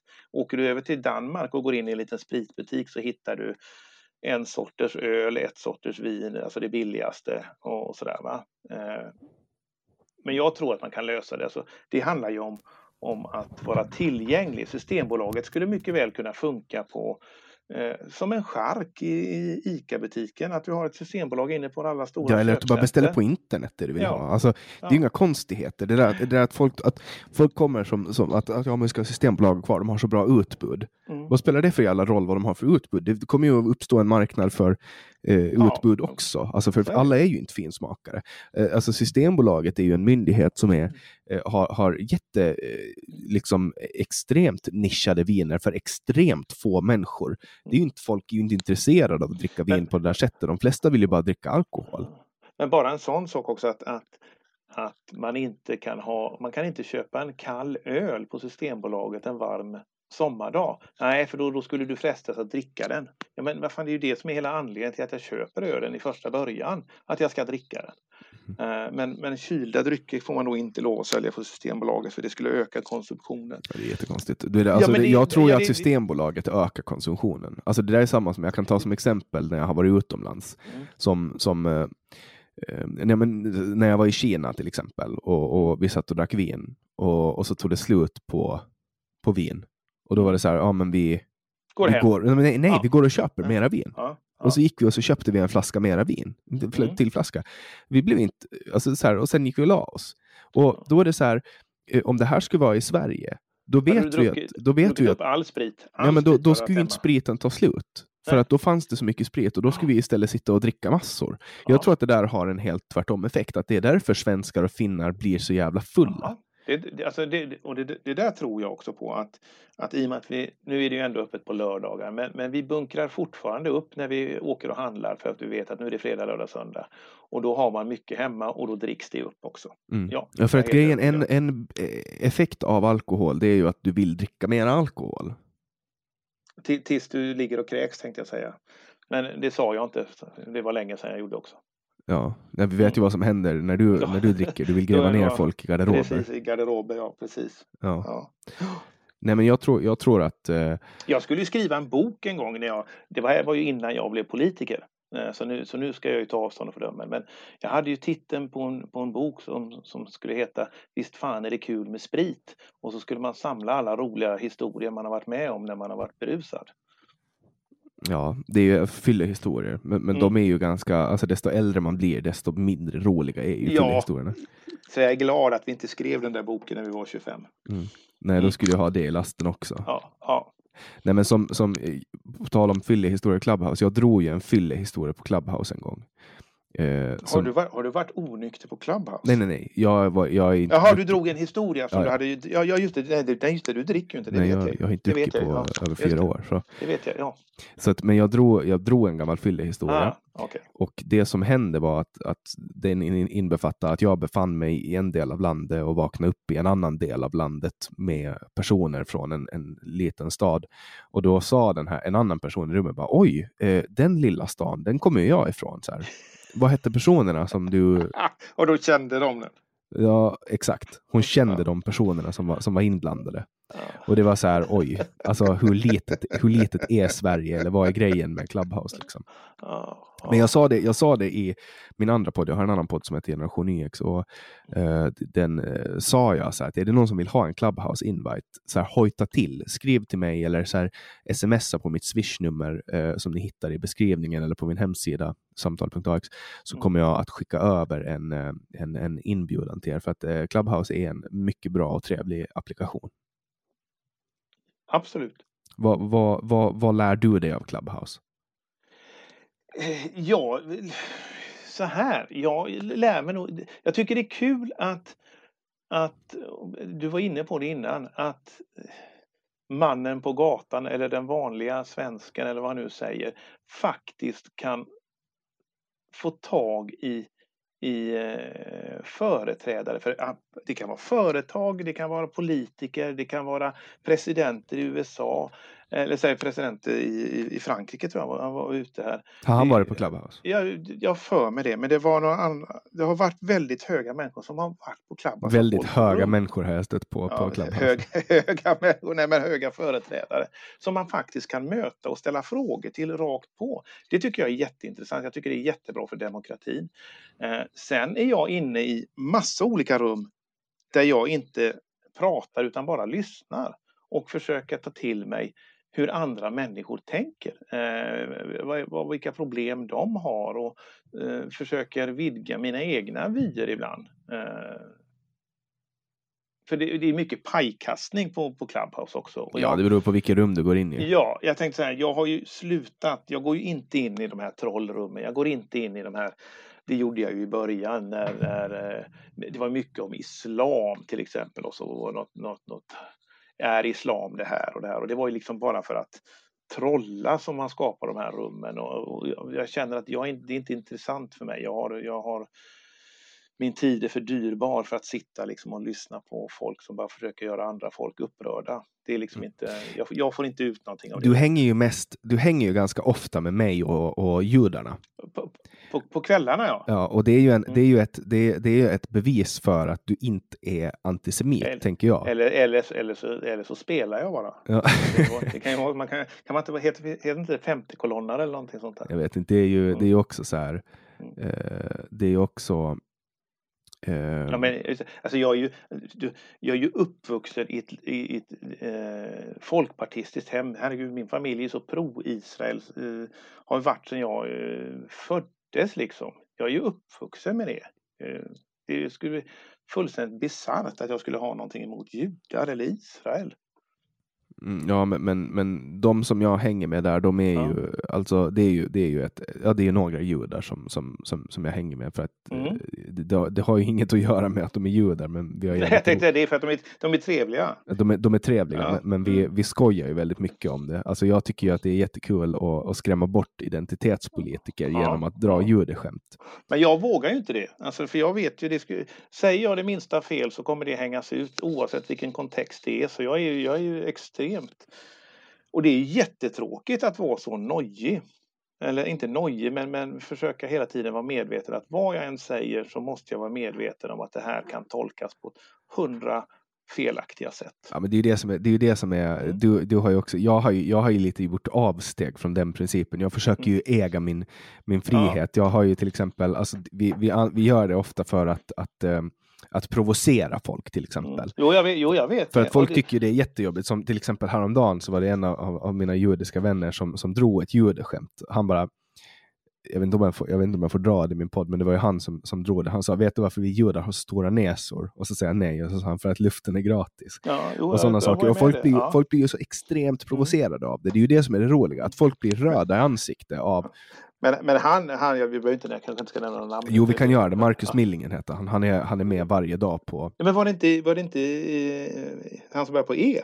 Uh, nej, Elia? eller ja, det kan nej. det ha varit. De jo, båda har säkert dragit. Jo, jag, tror, jag tror det var Elias som berättade när jag hörde det. Han är ju extrem sån. Han, han, han, han, han gillar ju att dra den här eh, identitetspolitiken till sin spets liksom för att visa hur, hur, hur, idiotisk den är. Han brukar säga jag är jude, alltså har jag tolkningsföreträde. Det är så bara, punkt. När du säger att något är, någon islam, eller säga, är antisemitisk så kan inte du säga det, för det är jag som har folk, tolkningsföreträde. Det är jag som är jude, säger han. Och det, mm. det, ska man, ska man liksom ha tolkningsföreträde, ja då stämmer ju det han säger. Så att han, han är ju, jag gillar ju han. Eh, sen kan han ju dra det lite för, till sin spets ibland och då, då orkar jag inte med det. Men, han är... Nej, men det, roliga, det, det, det roliga med de här rummen, mm. det är ju alltså, det är att provocera folk och använda identitetspolitik mot dem. Mm. Var du med när, jag hamnade i en debatt eh, med en identitetspolitiker eh, som sen då, vi, vi pratar om, om manligt och kvinnligt och så vidare. Eh, och då, eh, om, det var en person då som påstod att eh, kön bara är en social konstruktion. Eh, och sen, och sen, alltså jag känner igen det, jag känner ju, den här debatten är ju dygnet runt. Ja, den är hela tiden. Ja, Men då var det en ja. person som refererade till mig som man, alltså min motkombatant ja, sa, sa, att jag var en man. Och då sa jag, hur vet du att jag är en man? Vad har jag sagt till dig vad jag identifierar mig som? Och du vet, det här tog ju, det här tog ju den personen helt platt. Alltså, vad, vad, den kunde inte, alltså det är ju, jag låtsades vara kränkt och den personen respekterade det och var så här, oj, så här, ja och lämna rummet till sist. Men, men det, är, det, det är det som är så roligt med, med att, att man får träffa de här på riktigt. För att ja. jag, det finns ju ingenstans jag träffar de här äh, människorna nej, annars. Nej, så, lik, det, så är det faktiskt mig. Jag, och det, jag blev lite skrämd av det här för att jag tyckte att det var en väldig polarisering på Clubhouse. Eh, och det kanske det fortfarande är fortfarande. Att det finns två väldiga motpoler som inte alls tycker likadant. Och jag har inte märkt av den andra motpolen så mycket i min, i min vardag. I mitt, men nu, nu ser jag ju den nästan varje dag när jag är inne på Clubhouse, de här människorna. Ja, jag, ty jag, tycker det är jättekul att, att komma i kontakt med dem. För man, ja. det, det, har ju också hänt att jag och, och, och Marcus och Elias då bland annat och några till, Adrian, eh, alla som, som hänger på svenska mm. Clubhouse Community vet vem de här är. Men, ja, men ja. vi startade ett rum som hette Riktig kommunism, Jens var också med. Eh, riktig kommunism har aldrig prövats. Eh, och så låtsades... det, det, det, där känner jag igen. Ja. Det där ja, och då låtsades vi vara kommunister. Och då mm. kommer det in folk eh, som alltså, håller med oss som kommer upp och pratar. Och det där är ju så roligt för att man får, man, det blir ju någon form av rollspel. Folk blir ju ja. irriterade på oss. Så här. Men, men jag tycker det där är jätte, jätteroligt. Jo, alltså, så här, jag, jag, jag håller ju med och jag skulle jättegärna vilja eh, göra så där egentligen. Men, men det går inte i min roll för jag är, jag är så förknippad med med Sverigedemokraterna och, och eh, vet, journalister och andra människor kan inte göra den skillnaden. Utan skulle jag säga någonting, eh, hur trolligt det ens är eller hur, hur uppenbart det skulle vara för alla 90 procent i ett rum så skulle liksom det misstolkas och det skulle bli stora rubriker. Jag vet ju det. Och då, då finns det finns ingen anledning för mig att bjuda på det. Din, din eh, feghet är ju extremt rolig på Clubhouse. Bästa sättet att få ut dig ur ett rum är att göra dig till moderator. ja, nej, men jag vill inte vara moderator i något rum som, som har någon, eh, någon, någon problematisk titel. Då vet jag det kommer en skärmdump och så, så titta här står, sitter Fågelklo och tycker det här är något rum. Bara, nej, det, det, gör jag inte. Ja, det gör jag inte alls liksom. För jag, jag vet ju hur media fungerar. Och, det, och det, så här, det är på gott och media fungerar. De vill ju sälja tidningar. Det är ju det eller om vi nu pratar om tidningar, de vill ju sälja lösenord. De vill ha klick. Det, de, ja, det är det de vill ha nu för tiden. Ja. Du är lite så gammaldags när du säger sådär. Ja, jo, det, jag, du vet, min, mina barn kan, säger ju att jag är en boomer och jag tror ju fortfarande att eh, det är eh, något positivt. Jag säger att jaha, det måste vara något positivt. Så säger de att jag får googla och då säger jag att jag har ingen aning om vad det är. Du menar söka på internet? Ja, det kan jag. Så att, eh, nej men så är det ju faktiskt. Ja, eh, vad pratar vi om? Uh, om, om, Clubhouse och att jag gör dig till moderator. Ja, jo precis. Jo, nej, men, ja, jo, men jag är, det är klart att jag är feg. Jag skulle säga jag, jag och mitt parti i Göteborg har, liksom, har liksom inte råd med, med att det blir massa rubriker som inte behöver vara rubriker. Alltså vi, vi behöver inte skapa eh, kontroverser. Försöka hålla oss borta från det. Då ska vi inte bjuda bjud på det. Och det, det, betyder ju att jag får inte skämta så mycket och jag får inte, inte, jag måste vara lite allvarlig. Och det är väl det som politik går ut på egentligen. Men jag har ju, det har jag ju sagt. Jag har ju det som på min profil tror jag, både på Clubhouse och Facebook eh, haft det. Att man behöver inte vara gravallvarlig bara för att man är seriös. Mm. Nej men så, så är, det ju, så är det ju. Du ja. brukar ju skoja men, mm. men um, ja. Men det är, jätte, det är jättetråkigt att, att, att, att vara sån. Eh, men, men jag måste ju tänka på att det finns människor här som har en bild av mig och då måste jag, eh, kan jag inte bara tjoa och kimma och stimma bara för att jag är med fem stycken som jag trivs med utan det kommer ju finnas andra som lyssnar i det här rummet och då, då, då går det liksom inte. Men man försöker ju bjuda på sig själv så mycket det går. Men, mm. men, eh, ja, du hade tagit till dig av det här med hönsnagel, det är ju, det är ju ditt ständiga namn. Ja, ja precis. men det är, inga, det är helt okej. Det är mm. lite roligt ju. Ja, Nej, men alla som, som lyssnar på det här, eh, kom in, eh, följ åtminstone mig. Det är valfritt att följa Jörgen och kom in i våra rum och, och, och lyssna. Och, och, det kommer snart att komma en Android-version om jag har förstått det ja, rätt. Ja, det, jo, jo, men du, vi pratar ju om Clubhouse. Jo. Eh, jag undrar ju lite grann varför mitt parti inte är på Clubhouse. Eh, vi är ju ganska duktiga på kommunikation om jag ska vara helt ärlig och jag tror ju att det här mediet kan fungera väldigt väl. Jag vet ju att eh, både Ebba Busch Thor och Ulf Kristersson har haft egna rum där de sitter och pratar och det är mycket journalister som är inne och, och andra media som, som är där och lyssnar. Eh, vi har ju ett rum, jag och en som heter Håkan i Göteborg som är regionråd. Vi har ju varje fredag där man då får ställa, vi, vi har sagt att alla som kommer in i de här rummen får ställa frågor till oss men vi tar upp dem en och en så det inte blir någon kakafoni. Va? Och, och vi har gjort det på fredagar och det tycker jag börjar rulla på nu. Det är oerhört många människor som kommer in och ställer frågor högt som lågt. Och det är bra att vi får vara där och bemöta och, och att människor faktiskt får lyssna på oss. Och, och vad, vad, tycker vi? Vad tänker vi? Vad, vad, vad vill vi? Att de, och de flesta, det har vi ju hört jättemånga gånger eh, av då meningsmotståndare att eh, ni borde inte vara här för ni är alldeles för bra. Ni är alldeles för vältaliga. Ni säger ju inget konstigt. Nej, men det är så det är att vara sverigedemokrat och det är det vi vill visa. Så vill man följa Sverigedemokraterna i Göteborg så ska man komma in på fredagar klockan två och följa rummet som heter SD Göteborg tjötar. Ja, ja, det jag stör mig på med folk på Göte från Göteborg är att ni använder så jävla interna grejer, så jävla ord, Göteborgs ord. Men det heter ju tjötar. Ja, men tjötar. Jag, jag tycker ändå att det är, är tråkigt. Men det, det är väl dialekt det är det ju bara. Ja, Du, har, inte ni, har inte ni dialekter på Åland? Men det hör du väl? Eller? Jo, men alltså, har ni inte olika dialekter om man bor på Sydudden eller Nordudden eller i Träskmarket i väst eller någonting? Är det inte så? Det var mer, eh, det var mer eh, påtagligt förut kan man säga. Eh, Alltså desto längre tid som går, desto mindre hörs dialekter. Så är det ju i Sverige också. Ja, oh ja, oh ja. Men jag tycker det är, dialekter är jättecharmigt. Och eh, jag tyckte ju när jag var liten att finlandssvenska var bland det fulaste jag visste faktiskt. Idag tycker jag det är ganska vackert. Mm. Faktiskt. Ja, eh, Mm. och det är ju kul att höra. Mm. Vad, men Men vad, att- upplever du min dialekt som finlandssvenska eller? Nej, jag är... Ja, alltså den är ju, den är finlandssvensk skulle jag inte... Hade jag träffat dig så hade jag ju trott att du säkert kom från Finland, ja. Eller att du var... Eh, för Åland tänker man inte på, det är en sån liten ö där. Mm. Mm. Ja. Nu, är, nu är jag storebror Sverige här, men, men jag, jag hade ju inte sagt Åland för jag har ingen aning om hur man låter på Åland. Nu vet jag att du är ålänning, så nu hade jag ju sagt det med en gång naturligtvis. Ja. Du pratar inte finlandssvenska, du pratar åländska. Men eh, förutom att eh, skicka ut alla invandrare från Sverige, vad är Mm. viktiga frågor för, för dig då som sverigedemokrat? Nej, jag som kommunpolitiker eh, är det tryggheten i Göteborg. Och då... Nu kommer du få sådana här långt politikersvar. Jag vet inte hur intresserade folk är av det. Jo, men den upplevda tryggheten i Göteborg och då kan man dela in den i olika slags tryggheter. Eh, för min son som är strax över 20, han har ju en otrygghet i hur han ska skaffa lägenhet. Det är hans otrygghet.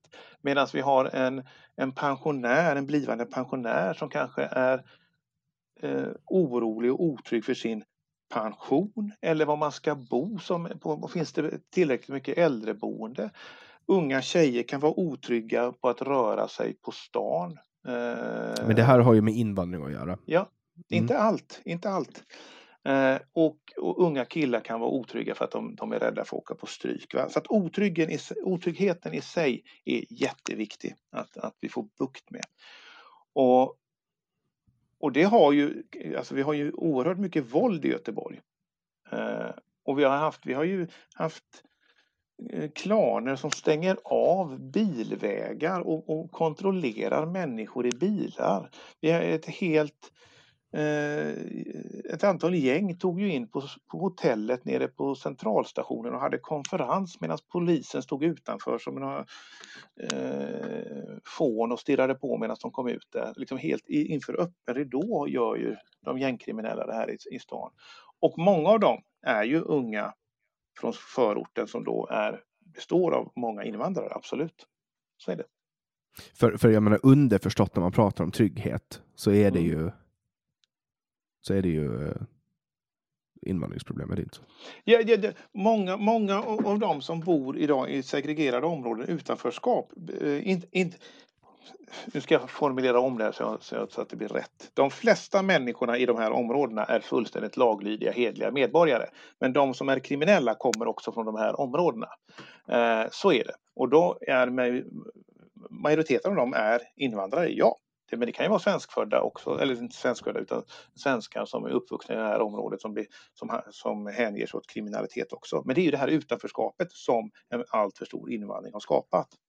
Ja, Vad ska man göra med Så papperslösa? papperslösa, ja de ska inte vara i Sverige naturligtvis. Ofta, vad menar du med papperslös? För ofta, ofta de som man benämner som papperslösa har ju ofta fått både ett och två eller tre papper på att de ska avvisas från landet. De har fått utvisningsbeslut. De, de har ju papper på att de inte ska vara här. Mm. Ja, men alltså identitetslösa som Ja, rör men sig i har, har, Sverige. de, få- ja, nej, men har man inte rätt att vara i Sverige så ska man ut ur Sverige. Punkt. Även om de blir dödade i sina hemländer. Men hur vet du det? Vi, vi, så här, vi skickar ju inte ut vi skickar ju inte ut människor till, till döden. Det gör vi inte. Eh, till Afghanistan går det flyg från Sverige reguljärt. Inte till alla delar i Afghanistan, men Afghanistan är ett säkert land, har massa säkra platser i Afghanistan. Det går ju flyg härifrån. Då får man ju åka dit. Mm. Naturligtvis. Ja, Kabul är väl säkert, men, men sen finns det väl andra delar som, som inte Det finns andra delar som säkert är världens sämsta, men dit behöver man inte skicka dem. Mm. Så Sverige har ett ansvar för svenska medborgare. Det, det, det, är, helt, det är så vårt välfärdssystem är uppbyggt. Sen, nu kom vi in på en sån större fråga, för jag glömde en sak som är viktig i kommunpolitiken. Men, men Sverige har ett ansvar för svenska medborgare, punkt. Det är där eh, det, det, är vårt primära ansvar. Sen tycker jag rent mänskligt och, och moraliskt att vi här i väst som har haft det väldigt bra, i synnerhet Sverige som stod utanför kriget och klarade sig väldigt bra och byggde upp sin industri eh, väldigt snabbt. Att vi kan ha ett moraliskt och mänskligt ansvar att hjälpa människor i världen som har det sämre. Det tycker jag. Men då måste de pengarna som vi avsätter till det också gå dit de gör störst nytta. Och det är inte att plocka hit 100 000 per år. Utan det är att hjälpa World Food Program, Läkare utan gränser, UNHCR och sådana organisationer som är, som är eh, världsmästare på, på eh, flyktinghjälp. Mm. Och det, det var ju um, det lät ju bra när Hans Rosling levde och sa det, men sen, ja. eh, sen när Sverigedemokraterna sa det, då var det Fast, fick man ju det var, det inte, var, det inte, var det inte tvärtom att det var vi som höll på att säga det och sen så sa Hans Rosling att Sverigedemokraterna har rätt i det de säger, att vi ska hjälpa på plats. Ja, det kan, ja, det kan ha varit på. Ja, så, så tror jag till och med att det var faktiskt. Han sa att vi har, har rätt i det de säger. Mm. Det Men det har, det har, så har det hänt med vissa ledarskribenter som, i Göteborg här som, som avskyr Sverigedemokraterna. Har skrivit, jag ska inte nämna någon vid namn nu då, eh, men han är inte ledarskribent här längre, han har flyttat. Kunde ju hålla med oss i vissa sakfrågor och sa att ja, här har Sverigedemokraterna rätt, eller vi, jag tycker likadant här, men jag tycker det för att jag har rätt. Sverigedemokraterna tycker det för att de är ett rasistiskt parti. Alltså, mm. och då ändå tyckte vi likadant i en fråga. Liksom det, det blir så trams. Jo, men en sak som är extremt viktigt för mig som sverigedemokrat i, mm. i Göteborg, om vi pratar kommunpolitiken, det är eh, gestaltningen av vår stad. Hur vi bygger. Alltså, vi bygger vi bygger fyrkantiga lådor av glas och betong och bor i. Eh, vi bygger fult, vi bygger tätt, vi bygger mörkt. Vi bygger lådor som människor ska verka, bo, jobba i och, och, röra sig omkring. Jag tror inte att det här är bra för oss. Jag tror att vi mår sämre om vi bor och verkar och lever i sådana här miljöer. Så vi måste bygga vackert, vi måste bygga för människor. Mm. Ja, så att, har du kollat in eh, arkitektuppropet? Jajamensan, och stadsarkitekten här i Göteborg, jag, eh, vi skrev ett yrkande om, om eh, det skulle, det skulle, de skulle bygga något nytt här och då, då skrev jag att, det, att en fyraåring i Minecraft hade kunnat gjort bättre. skrev jag. Mm. Eh, och att då gick ju stadsarkitekten ut och sa att det här luktade 30-tal, det här var fascism och, att, och allt sånt där.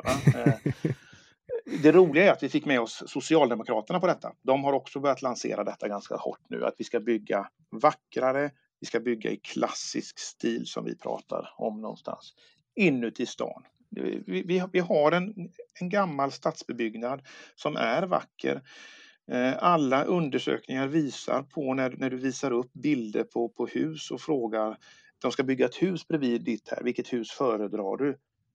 80-90 procent pekar på ett klassiskt 1800-talshus och säger det där vill jag ha som granne. Det är så man vill bo, det är så man vill, vill röra sig, det är så man vill, vill se staden. Jag vet inte vad det är riktigt för fel på arkitekter som har gjort nej, att det har blivit... Nej, jag, jag har ju förstått att det är mycket vi kommuner också som ställer fel krav. Vi, vi kräver eh, eh för dyr, alltså vi säljer marken för dyrt och då ska man bygga och så måste man tjäna pengar på det här. Alltså jag, förstår, jag förstår ju en del av problematiken men, men jag anser att... Har du varit i Göteborg? Eh, jag var på Rolling Stones, men det var, det var många år sedan. Alltså. Vi, vi, vi, har en, vi har en paradgata som heter Avenyn. Ja, längst, det, uppe det, finns, ja, längst uppe finns Poseidon och så har vi Konstmuseet, vi har eh, Stadsteatern och vi har eh, eh, eh Stora Teatern, eller inte Stora Teatern utan Konserthuset där uppe. Eh, I en viss stil som man har byggt. Där ska man nu bygga Eh, Eh, en byggnad som heter Nya Konst. Bara att den heter Nya Konst gör ju att man undrar, har ni inte glömt en bokstav eller Nya Konst var för någonting? Men strunt samma.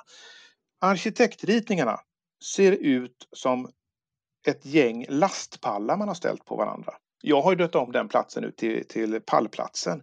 Man kan inte bygga så fult i hjärtat av Göteborg vi politiker måste ha rätt att säga här i hjärtat av Göteborg, på den offentliga platsen som är allas, måste vi bygga så att det åtminstone smälter in i den miljön vi redan har.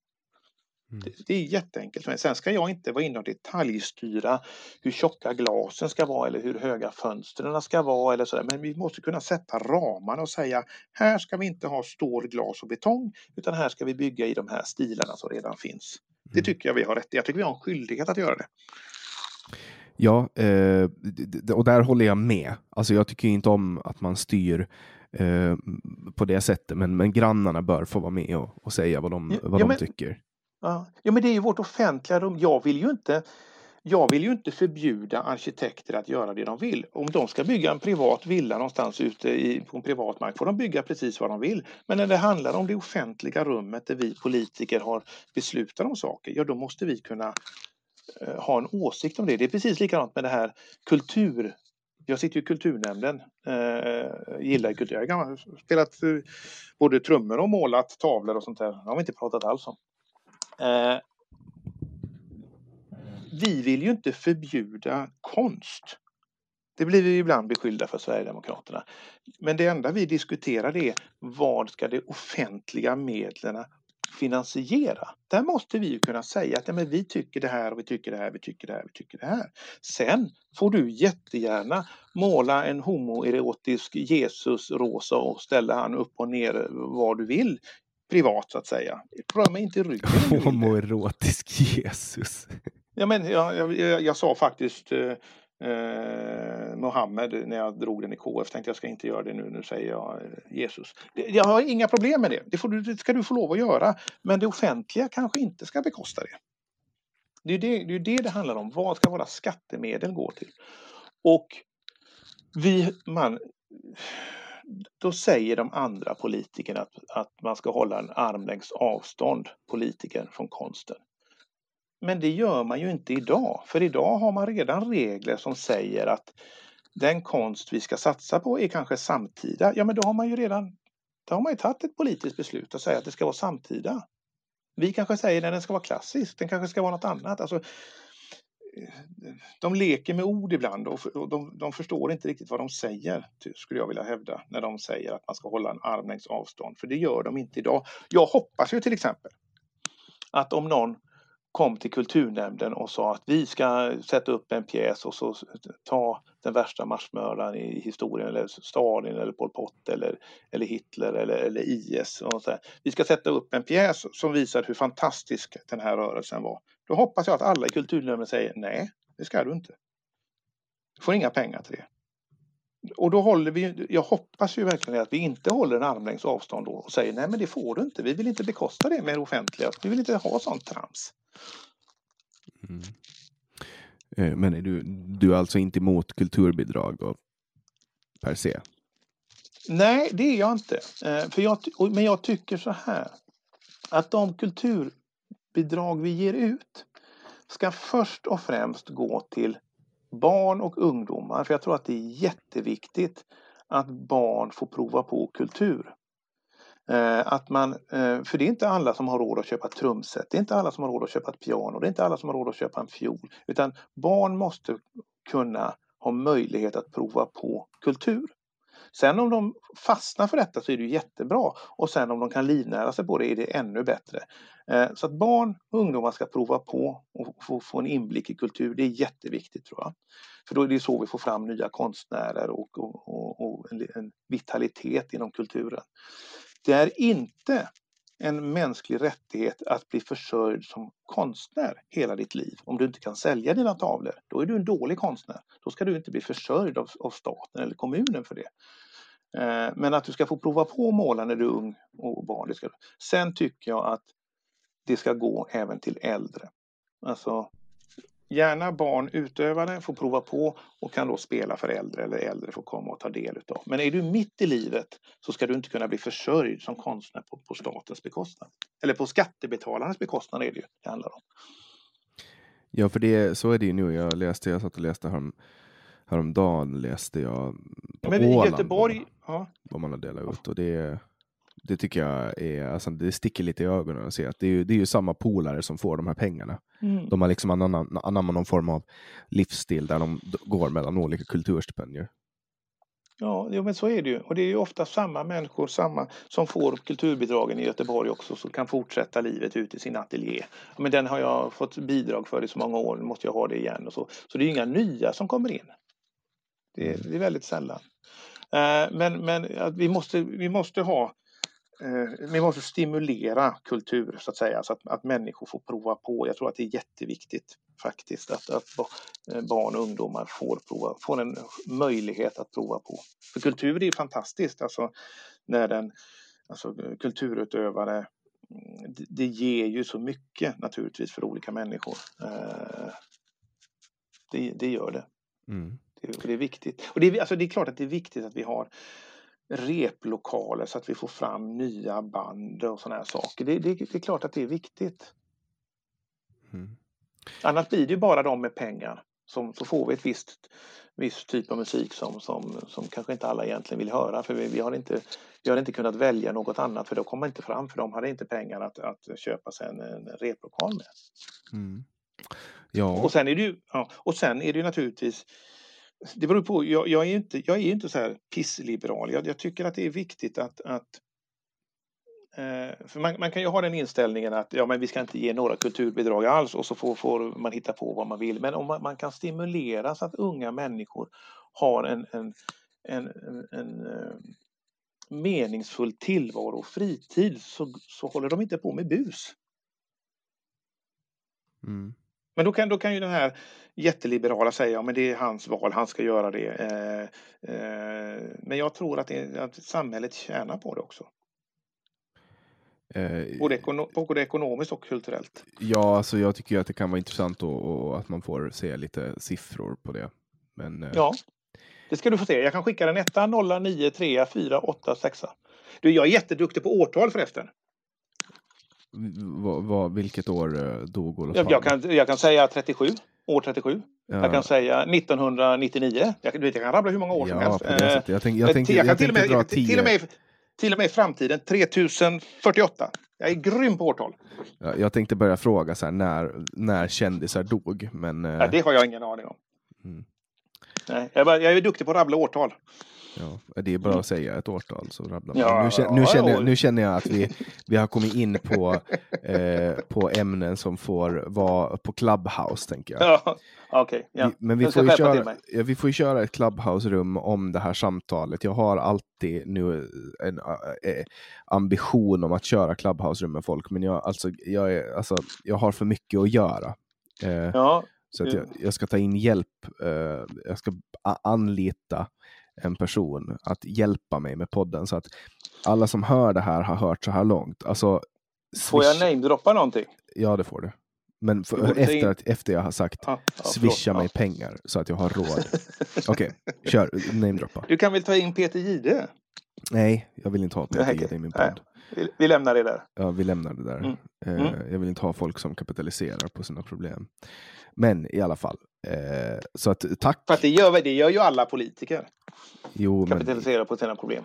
ja, men jag försöker inte göra det. Mm. Tack i alla fall eh, Jörgen Hönsnagel, Jörgen Fågelklo för Ja. att du eh, var med i podcasten Samtal. Det har varit jätteroligt. Sen får man väl se hur mycket dumt man har sagt. Det får bli stora rubriker imorgon någonstans i någon tidning. Ja, vi får se. Jag tror inte folk bryr sig mm. inte egentligen så jättemycket. Nej, det tror inte jag. Hur, men hur många lyssnare har du? Du har väl så här 100 000 varje? Det, det är hemligt hur många. Ja, ja. Hur många men det är några hundratusen. Ja, jag, jag, kan inte berätta eh, Nej. på grund av, av säkerhetsskäl. Jag vet inte ens varför jag håller hemligt hur många lyssnare jag har. Du har det? Aha, du har det hemligt? Okej, okay, jag, ja, nej, jag bara skojar. Nej, jag håller, okay. jag håller hemligt. Eh, så jag kan varken eh, bekräfta eller dementera dina uppgifter om hundratusen lyssnare. Vad, vad härligt, vad härligt. Unika lyssnare. Ja, unika lyssnare. Mm. Men i alla fall, mm. stort tack Jörgen och till alla er som har lyssnat på det här. Tack också till er och jag hoppas att ni vill vara med och fortsätta driva det här projektet framåt genom att swisha mig pengar, genom att gå in på Paypal och ge mig eh, pengar eller eh, genom att eh, gå in på Patreon. Det funkar ju också, även om Patreon tar en ganska stor andel av det. Eh, ni får ju också gärna gå in och önska gäster gärna kvinnliga sådana, gärna folk till vänster. Och om ni också har möjlighet att koppla ihop mig med de här personerna så, så är det extra stor hjälp. Eh, ni hittar länk eh, till alla de här olika sakerna som jag nämnde eh, i beskrivningen till det här avsnittet eller genom att gå in på min hemsida www.samtal.ax. Där får ni också gärna gå in och köpa en, en eh, t-skjorta eh, eller, eller en mugg eller vad fan ni vill köpa av mig. Det är helt okej okay att göra det också. Eh, jag släpper nya samtal alla onsdagar året runt, även på julafton och sådana heliga dagar. Jag heter Jannik Svensson och du har lyssnat på podcasten Samtal.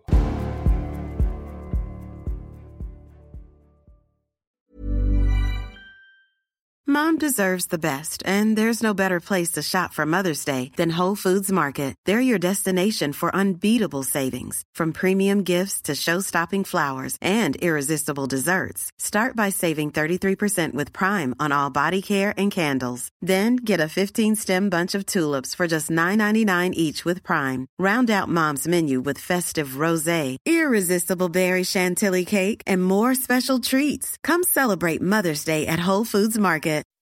When you make decisions for your company, you look for the no-brainers. If you have a lot of mailing to do, stamps.com is the ultimate no-brainer. Use the stamps.com mobile app to mail everything you need to keep your business running with up to 89% off USPS and UPS. Make the same no-brainer decision as over 1 million other businesses with stamps.com. Use code PROGRAM for a special offer. That's stamps.com, code PROGRAM.